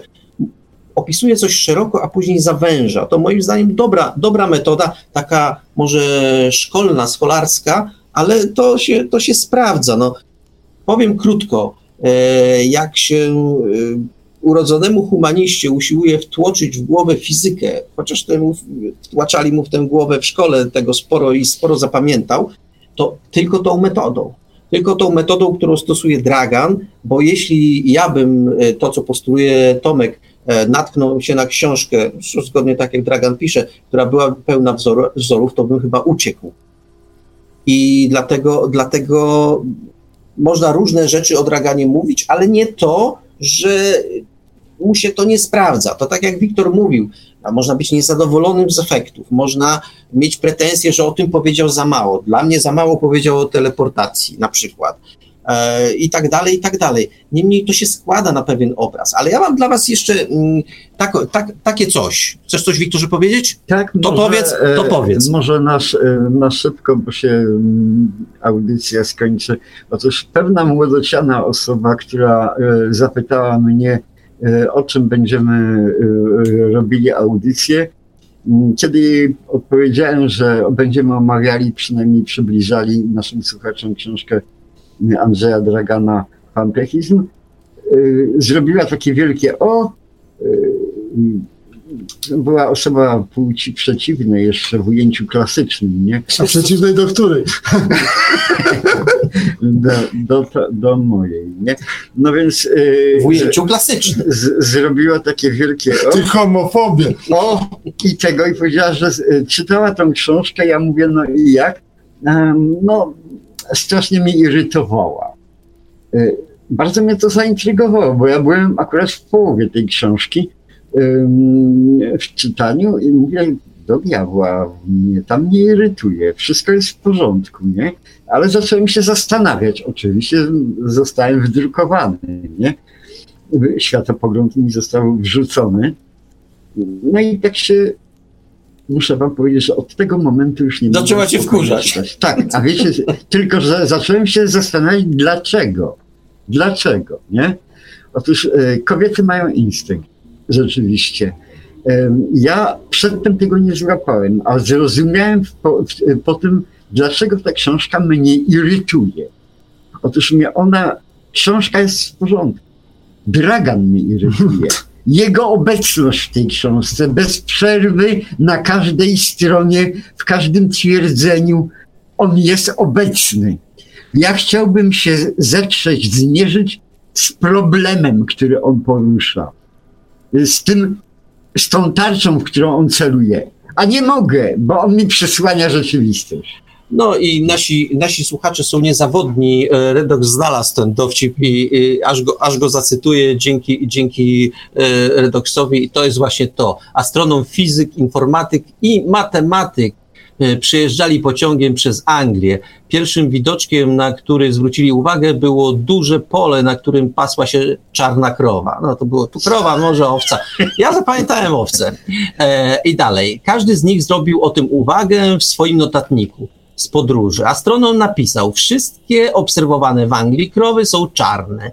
Fizyk napisał, hipoteza robocza krowy w Anglii są czarne. Informatyk napisał Anglia, y, no, nie wiem jak to odczytać. no, E, Jeżeli, jeżeli, Anglia, A, to, tak. jeżeli Anglia to krowy, przypis równa się czarna. tak. Kro, krowy wartość 1 równa Tak, się tak. wartość czarna. matematyk napisał, istnieje w Anglii co najmniej e, jedno pole, na którym co najmniej jedna krowa z co najmniej jednej strony jest czarna. A nie, trzeba patrzeć, ja, ja na logikę patrzę. No tak, a ja na logikę, to nie, do, do zbioru Anglia przypisujemy krowę w, w nawiasie 1, Jeden. do krowy, krowy 1 przypisujemy czarna, tak? No tak, y, No. Ten, ten dowcip, e, chociaż może nie zabrzmiał w naszym wykonaniu tak, e, tak potoczyście, no jest jednak zabawny, kiedy się, kiedy się przeanalizuje, jak różnie można postrzegać ten sam świat. I to To- sami To naukowcy. trochę, trochę inny mi się przypomniał podo- z podobnego serii dowcip, a myślę, że też trochę pokażę może coś o tym, Tak, to dowcip Kre- jest, dowcip, dowcip jest przedni. coś, coś może pokażę. Do domu weszły dwie osoby, po chwili wyszły trzy. No i biolog mówi, rozmnożyli się. Fizyk mówi, zaszedł błąd pomiaru. A matematyk mówi, jeżeli do domu wejdzie teraz jedna osoba, to będzie on pusty. No i Dragan jako fizyk teoretyk jest gdzieś pomiędzy fizyką a matematyką i to czasami stąd się ta creatio ex nihilo bierze w tej matematyce. Tak, to nie Że gdybym miał uwagę do tych y, czterech astronoma, matematyka i, i, i, i, fizyka, informatyka, wyobraźcie sobie, co by na ten, co by, jaką notatkę w notatniku by zrobił w tym momencie y, piąta, zrobiłaby piąta osoba, która by się nazywała na przykład Słowacki albo Mickiewicz. No, no. No, to byłoby... Nie wiem jaką, ale na pewno byłaby to y, zajebista powieść albo Kro, krowy, a sprawa polska. wiersz, nie? Cze, cze, cze, czerń krowy, a sprawa polska w aspekcie martyrologicznym. Okej. E, Panowie, bo moim zdaniem, tak już z, idąc do brzegu, czy płynąc do brzegu, płynąc do brzegu audycji, e, powiem jeszcze jedno. Książka Dragana, różne osoby mogą nie dostrzegać jej zalet, widzieć same wady, a i odwrotnie. Moim zdaniem ma jedną niezaprzeczalną zaletę, jakbyśmy już wszystkie zaniedbali, to tę ma na pewno. Bo zauważcie, ja to często powtarzam, no ulubiony motyw, Jest, jest krótka. nie, nie. Fizyka kwantowa, a w ogóle teoria kwantowa, wszystko to, kwan- jak jest, wszystko w tej chwili jest kwantowe. Jak ktoś nie wie, jak coś wytłumaczyć, to, to fizyka A to kwantowa. znowu Penrose ładnie wytłumaczył, że fizyka kwantowa jest trudna i dziwna, więc zawsze jak coś jest trudne i dziwne, to, To trzeba to, to zna, ale proszę Państwa, żebym tak nie ględził bez sensu. Zobaczcie sobie Państwo do internetu, bo to najlepsze źródło informacji, naj, najbardziej szerokie, A to ja jeszcze nie znając fizyki miałem taką teorię kwantowy bełkot, że nie ma takiej bzdury, której który się nie uzasadni, były oczywiście kwantami. Ale zobaczcie Państwo, ile książek, wszystko jest, proszę Państwa, kwantowe. Rzeczywistość jest kwantowa, nie wiem, to, że fizyka kwantowa to oczywiste, ale właściwie wszystko, cała nasza rzeczywistość, e, różni ludzie, różni autorzy usiłują sprowadzić do kwantów, do, do teorii i tak dalej. Wszystko się staje kwantowe. To ja, E, ja wszystko nawet się- teraz zrozumiałem dzięki tej książce, że tak naprawdę to ja mam w domu w kuchni mikrofalę kwantową. Tak, to ona jest zdecydowanie kwantowa. Pewnie, że Nie, tak. żartujemy sobie, ale tak naprawdę chodzi o to, że książka Dragana jest odtrutką na ten bełkot kwantowy, bo y, No, do, nie, Zastępuje go bełkotem nie, nie, nie, ja nie jestem, y, chociaż jestem, jak, jaką ja jestem hieną, przepraszam, No toksyczną, nie, nie, toksyczną hieną. Nie, Śmiejesz się z chorej kobiety, no dajże się nie, nie. Jestem toksyczną hieną, ale mimo wszystko y, zwracam na, na, to- na to uwagę, bo nie wiem, mnie to po prostu w pewnym momencie ubodło, jak y, wszedłem do jednej z księgarni, pominę nazwę, pominę miejsce, wszedłem do jednej z księgarni i w ciągu kilku minut miałem naręcze książek, tak, tak, wybierałem je dlatego, żeby zobaczyć, ile tego jest, naręcze książek z kwantami w tytule. Jeżeli coś ma, przybiera tak masowe, em, masową skalę, no to jest głupie po prostu. No nie ma, nie, nie, nie, nie da się tego tak zrobić, że wszystko... I już, i po prostu. I dla mnie książka Dragana, y, ponieważ on jak się zajmuje tą fizyką kwantową, to jednak pewne rzeczy tłumaczy. Jak to mniej więcej, znaczy tu bym pewno popadł w przesadyzm, e, że tłumaczy jak to działa. Nie, raczej opisuje jak sobie to... Pisze o nich tak, żebyś pomyślał, że zrozumiesz. Co więcej, on, ale on w pewnym momencie, wydaje mi się, że on to napisał, albo ja to, albo ja to wyczytałem, chociaż tam tego nie było. On tłumaczy, że tak naprawdę on przedstawia swój obraz tego, jak on to widzi, tę fizykę kwantową, bo czy tak jest na pewno, a może jest zupełnie inaczej.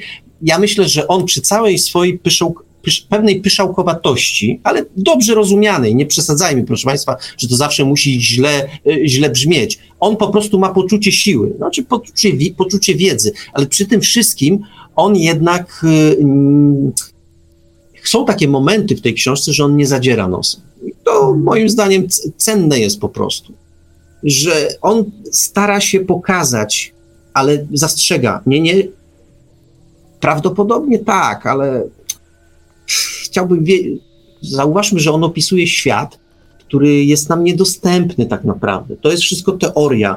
E, gdybyśmy to chcieli, on to wyciąga znowu, motyw, o którym Tomek mówił.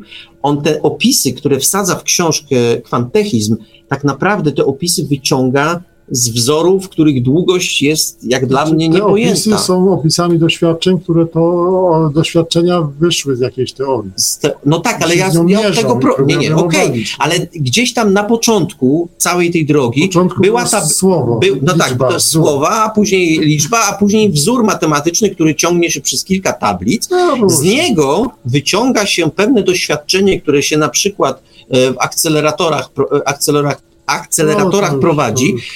Co więcej, wynik tego doświadczenia też jest postrzegany nie wprost. Przecież tych tam cząsteczek nikt nie ogląda, nie obraca sobie w ręku, tylko to wszystko jest e, robione na zasadzie e, pewnych obserwacji poprzez ileś tam maszyn, które, które na to patrzą. Maszyn to może zbyt ogólne słowo. Różnego rodzaju rejestracji, które, które następują. W związku z czym my tak naprawdę opowiadamy o pewnej magii. Ta fizyka jest rodzajem magii, bo nic nie postrzegamy wprost, jak ten człowiek z, z ulubionego Wiktorowego to- sztychu, który wygląda poza sferę i tam widzi, jak działa wszechświat. My tego nie widzimy. ma chyba więcej wspólnego jednak z relatywizmem. Tam chodzi o tę prędkość bliską światłu, nie? Więc to jest... No zaraz, zaraz, a przecież gdzieś te buzony Higgsa No i te wszystkie inne cząstki, tak, które, które, które się pojawiają, gdzieś one są wytwarzane. To są wytwarzane właśnie Nie, nie, cząstki nie są wytwarzane, No, są wytwarzane nasze interpretacje Zgoda. różnych obserwacji. Zgoda, bo my Nie? tych, my tych cząstek, znaczy by- inaczej, Nie, to, ja jeszcze powiem, Tu, chodzi o to, żeby rozpędzać bardzo małe cząstki do prędkości bardzo bliskiej prędkości światła i potem je zderzać ze sobą. Dlatego no tak, ale w wyniku z tych zderzeń No to się- otrzymujemy, ocieramy się też o zjawiska No tak, kwantowe. tak, no No, wy- no wy- dokładnie, dokładnie o to chodzi. Tylko, że Wiktor wbrew, znaczy Wiktor, dobrze pytanie jest do ciebie. Dobrze złapał to, tylko zanim to pytanie, dobrze to Wiktor złapał, bo w gruncie rzeczy e, my coś tam, wyciągamy pewne wnioski, ale znowu nie mamy tego w ręku. To są tylko interpretacje znowu tego, co wychodzi z tych, nie wiem jak to nazwać, ty mnie popraw, czujników, czy tego, co obserwuje wynik doświadczenia. Oczywiście nie powiem, co oni tam dokładnie Inter... mają, ale, Znaczy, jest to interpretacja to danych, które jakieś bardzo dostajemy. pośrednie obserwacje. Dobrze, to ja czytam pytanie, pytanie do. Wiktora, ostatnie. Wiktor, e, dlaczego mikrofalówka Wiktora jest kwantowa? No właśnie, wyjaśnij tak naprawdę. No bo wszystko jest kwantowe. A, to tak. tak. Proste pytanie, prosta odpowiedź. No tak, to, to prawda. No to cóż, panowie, e, chyba, chyba nadszedł czas, że dobiliśmy do brzegu. Chyba, że jeszcze któryś, któryś z was chce coś na temat książki e, Andrzeja Dragana powiedzieć, to, to jest ten moment, panowie, ten moment. Nastąpiło milczenie. E, Tomek rzucił się do Czyta, na notatek, pewno czytał Pratchetta, że o tym żółwiu wspominał. Tak, tak. To, czytał Pratchetta, to polecamy, zacna, zacna lektura. Kiedyś o Pratchetcie nawet wspominaliśmy, zdaje się w tym samym, w tym samym gronie o Pratchetcie e, Mm. mówiliśmy. Wiktorze, czy ty jeszcze coś o swojej kuchence? Nie, raczej o książce Dragana po prostu. Warto ją czytać z jednego właściwie dla mnie powodu, że ona jest kulturowo bardzo, mm, ma wigor po prostu. Jest żwawa, jest dowcipna, jest e, oczywiście dyskusyjna. Dzięki temu można samemu, so, e, po przeczytaniu tej książki, samym sobą się nie zgadzać bardzo chętnie. Ale miał bardzo złych wykładowców od filozofii, proszę państwa, bardzo złych, bardzo, To widać, bardzo złych. to jest widać. dobrych, ale nie słuchał. No może nie słucham. Czytał tendencyjnie. Może miał, może miał wykładowców dobrych, tylko nie słuchał. Może jej nie ja już lubi. też od pewnego momentu czytałem go tendencyjnie, także... No, to tak samo jak ja. No proszę Państwa, w ogóle e, jakby tak en bloc troszeczkę czytaliśmy e, e, Dragana tendencyjnie i bardzo dobrze, panowie, bo dzięki temu mamy teraz, e, mamy, te, e, mamy teraz tylu samo wro, ty, ty- tyle samo wrogów, co, co, e, co przyjaciół, tylu samych. I myślę, że ta nasza tendencyjność sprawi, że jedni przeczytają tę książkę dlatego, żeby wreszcie wiedzieć, dlaczego jesteśmy tacy głupi, Drudzy przeczytają tę książkę dlatego, żeby się dowiedzieć, dlaczego jesteśmy tak bardzo przenikliwi, a trzeci ją po prostu, przeczyta, czy- po prostu ją przeczytają, bo ich być może, taką mam nadzieję, no, no człowiek się chwyta, za gruby i są w środku nie, no, człowiek, człowiek się chwyta, chwyta różnych nadziei, więc ja mam nadzieję, że przynajmniej to nasze gadanie e, kogoś e, jednak po prostu zachęciło tak normalnie, żeby, żeby po tę książkę sięgnął. No już. No co panowie? O Andrzeju Draganie i jego książce Kwantechizm to wszystko. E, Zapraszamy do audycji za dwa tygodnie, a za dwa tygodnie będziemy mówili o książce Hater Jarosława Jakubowskiego. Proszę tej książki Hater nie mylić z filmem, który też miał hejtera e, w tytule. To są zupełnie dwa różne utwory. Książka Hater, mm, jak powiedzieć krótko o książce. W książce Hater występuje prawdziwy hejter, a- ale też występuje dziennikarz, y, który nazywa się Niewiadomski. Przypadek? Nie sądzę. E, I w ogóle książka, książka e, moim zdaniem jest odlotowa. W dodatku będziemy gościć autora w czasie audycji, będziemy z nim rozmawiać. To jest autor, który wcześniej dał się poznać z kilku książek, ale przede wszystkim znany jest z twórczości teatralnej. On napisał sporo sztuk, jedna, przynajmniej jedna, była prezentowana w teatrze telewizji. To sztuka Generał. No, co, można tam różne rzeczy w Bawełnowie, ale o Jaruzelskim to była sztuka tak Ten naprawdę. niewiadomski, ten co Narutowicza? Nie, nie, nie, nie, to nie ten. No, Ale nie, nie, no, to zostawmy, zostawmy do audycji. W każdym bądź razie y, fajna książka. Y, to jest książka, która, y, z którą autor przez wiele lat y, próbował ją gdzieś, to a propos tego, co, y, co dziś, o czym była dzisiaj mowa, y, nasz gość o tym mówił, że pewne wydawnictwa pewnych książek w ogóle nie czytają i wyrzucają, a, a w każdym razie nie chcą się z nimi zapoznać. Trochę tak borykał się Jarosław Jakubowski ze swoją książką, y, ponieważ wydawnictwa oceniały, że jedne oceniały, że jest zbyt prawicowa, druga y, mówiła, że jednak on nie jest taki prawicowy i on gdzieś tam lewicy sprzyja. No po prostu facet opisał naszą rzeczywistość, nasz świat, co jest dosyć trudne y, No opisać. zawsze się komuś narazi, a. Tak, no dokładnie. No więc właśnie ta książka się narażała wszystkim. E, na okładce książki zawarta jest kuriozalna, na szczęście anonimowa, kuriozalna wewnętrzna recenzja, w której namawia się, której się autorowi oddaje wszystko, że jest zdolny, że umie pisać, że interesujące to jest. W ogóle wszystko jest w książce świetne. ale trzeba by wykreślić. I tu następuje lista. To, to, to, miała tam e, pewne poglądy autora, e, a jest, że za bardzo jest taki, śmaki i owaki. I w rezultacie e, z książki wyszedłby kadłubek, tak naprawdę. Aut, bohater straciłby, sunęło mi się coś na myśl, no, straciłby kręgosłup. Straciłby kręgosłup. I, i no, to, nie byłaby, to nie byłaby ta książka. Książka jest zajmująca. Ona tak naprawdę ma stru, strukturę kryminału, od pewnego momentu ewidentnie jest to, jest to kryminał, a z fajnym zakończeniem. W ogóle autor y, to jest człowiek, no to który ten, du, dużo o literaturze wie. O, o, tym już chyba z Fiałkowskim rozmawiałeś, nie? W tym, tym y, liście nieobecnych. E, to o czym? O, o, tym, o tej cenzurze, co tak poprawia książki. A, no tak, no, no, ale to były inne czasy. A, były... a, a jakże podobne. Nie? A jakże podobne. Inne czasy, a jakże podobne, Że rzeczywiście. poprawiali bardziej niż za cenzury. Tak, to prawda. E, albo nakłaniali samych autorów, żeby to robili. To też jeszcze, jeszcze bardziej perfidne. Yy chwała e, Jarosławowi Jakubowskiemu, że się wymiksował, wymiksował z tej e, cenzury, czy też później skłaniania do autocenzury, nie poszedł w tym kierunku. Wydał tę książkę w pierwotnej wersji. E, no ale za to bibliotekarium. No, za to bibliotekarium. Ale proszę Państwa, żeby nie było tak źle, wczoraj o tej książce mówiono, mówiono w TVP Kultura.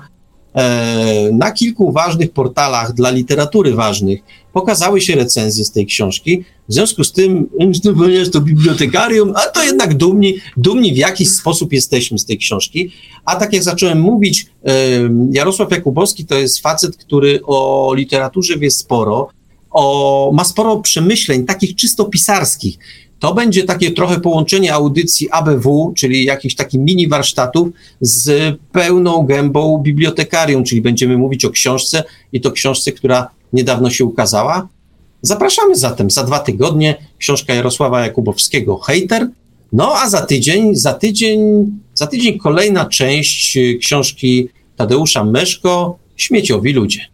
No właśnie, kiedy ABW wraca w standardowym? ABW, a no właśnie, tego jeszcze nie powiedziałem. ABW powinno, wszystkie, wszystko na to wskazuje, że ABW pojawi się na antenie na początku września. A chyba, że się zapętli ta czasoprzestrzeń w, w niewłaściwym kierunku. Nie idź tą drogą, nie idź tą drogą, nie idź tą drogą. Proszę Państwa, dobrej nocy życzymy w takim razie. Wszystkiego dobrego tym piszącym, Przysyłajcie, przysyłajcie, proszę Państwa, opowiadania. Teraz jest ten czas, że są luzy, luzy e, w ramówce, w związku z tym łatwiej, łatwiej się z opowiadaniem na antenę dostać, e, bo jak czuję, jak się zaczną zwalać opowiadania, to się może zrobić ciaśniej. Więc namawiam, namawiam, piszcie, weny ogromnej Wam życzę. Wszystkim, którzy czytają, to samych udanych lektur. Dobrej nocy. Dobranoc. A mówili to słowa do Państwa gospodarze, bibliotekarium Marek Żelkowski, Wiktor Żwikiewicz oraz e, ten trzeci głos, trzeci tenor współtworzący ABW również i udzielający się też w bibliotekarium, czyli Tomasz Fons.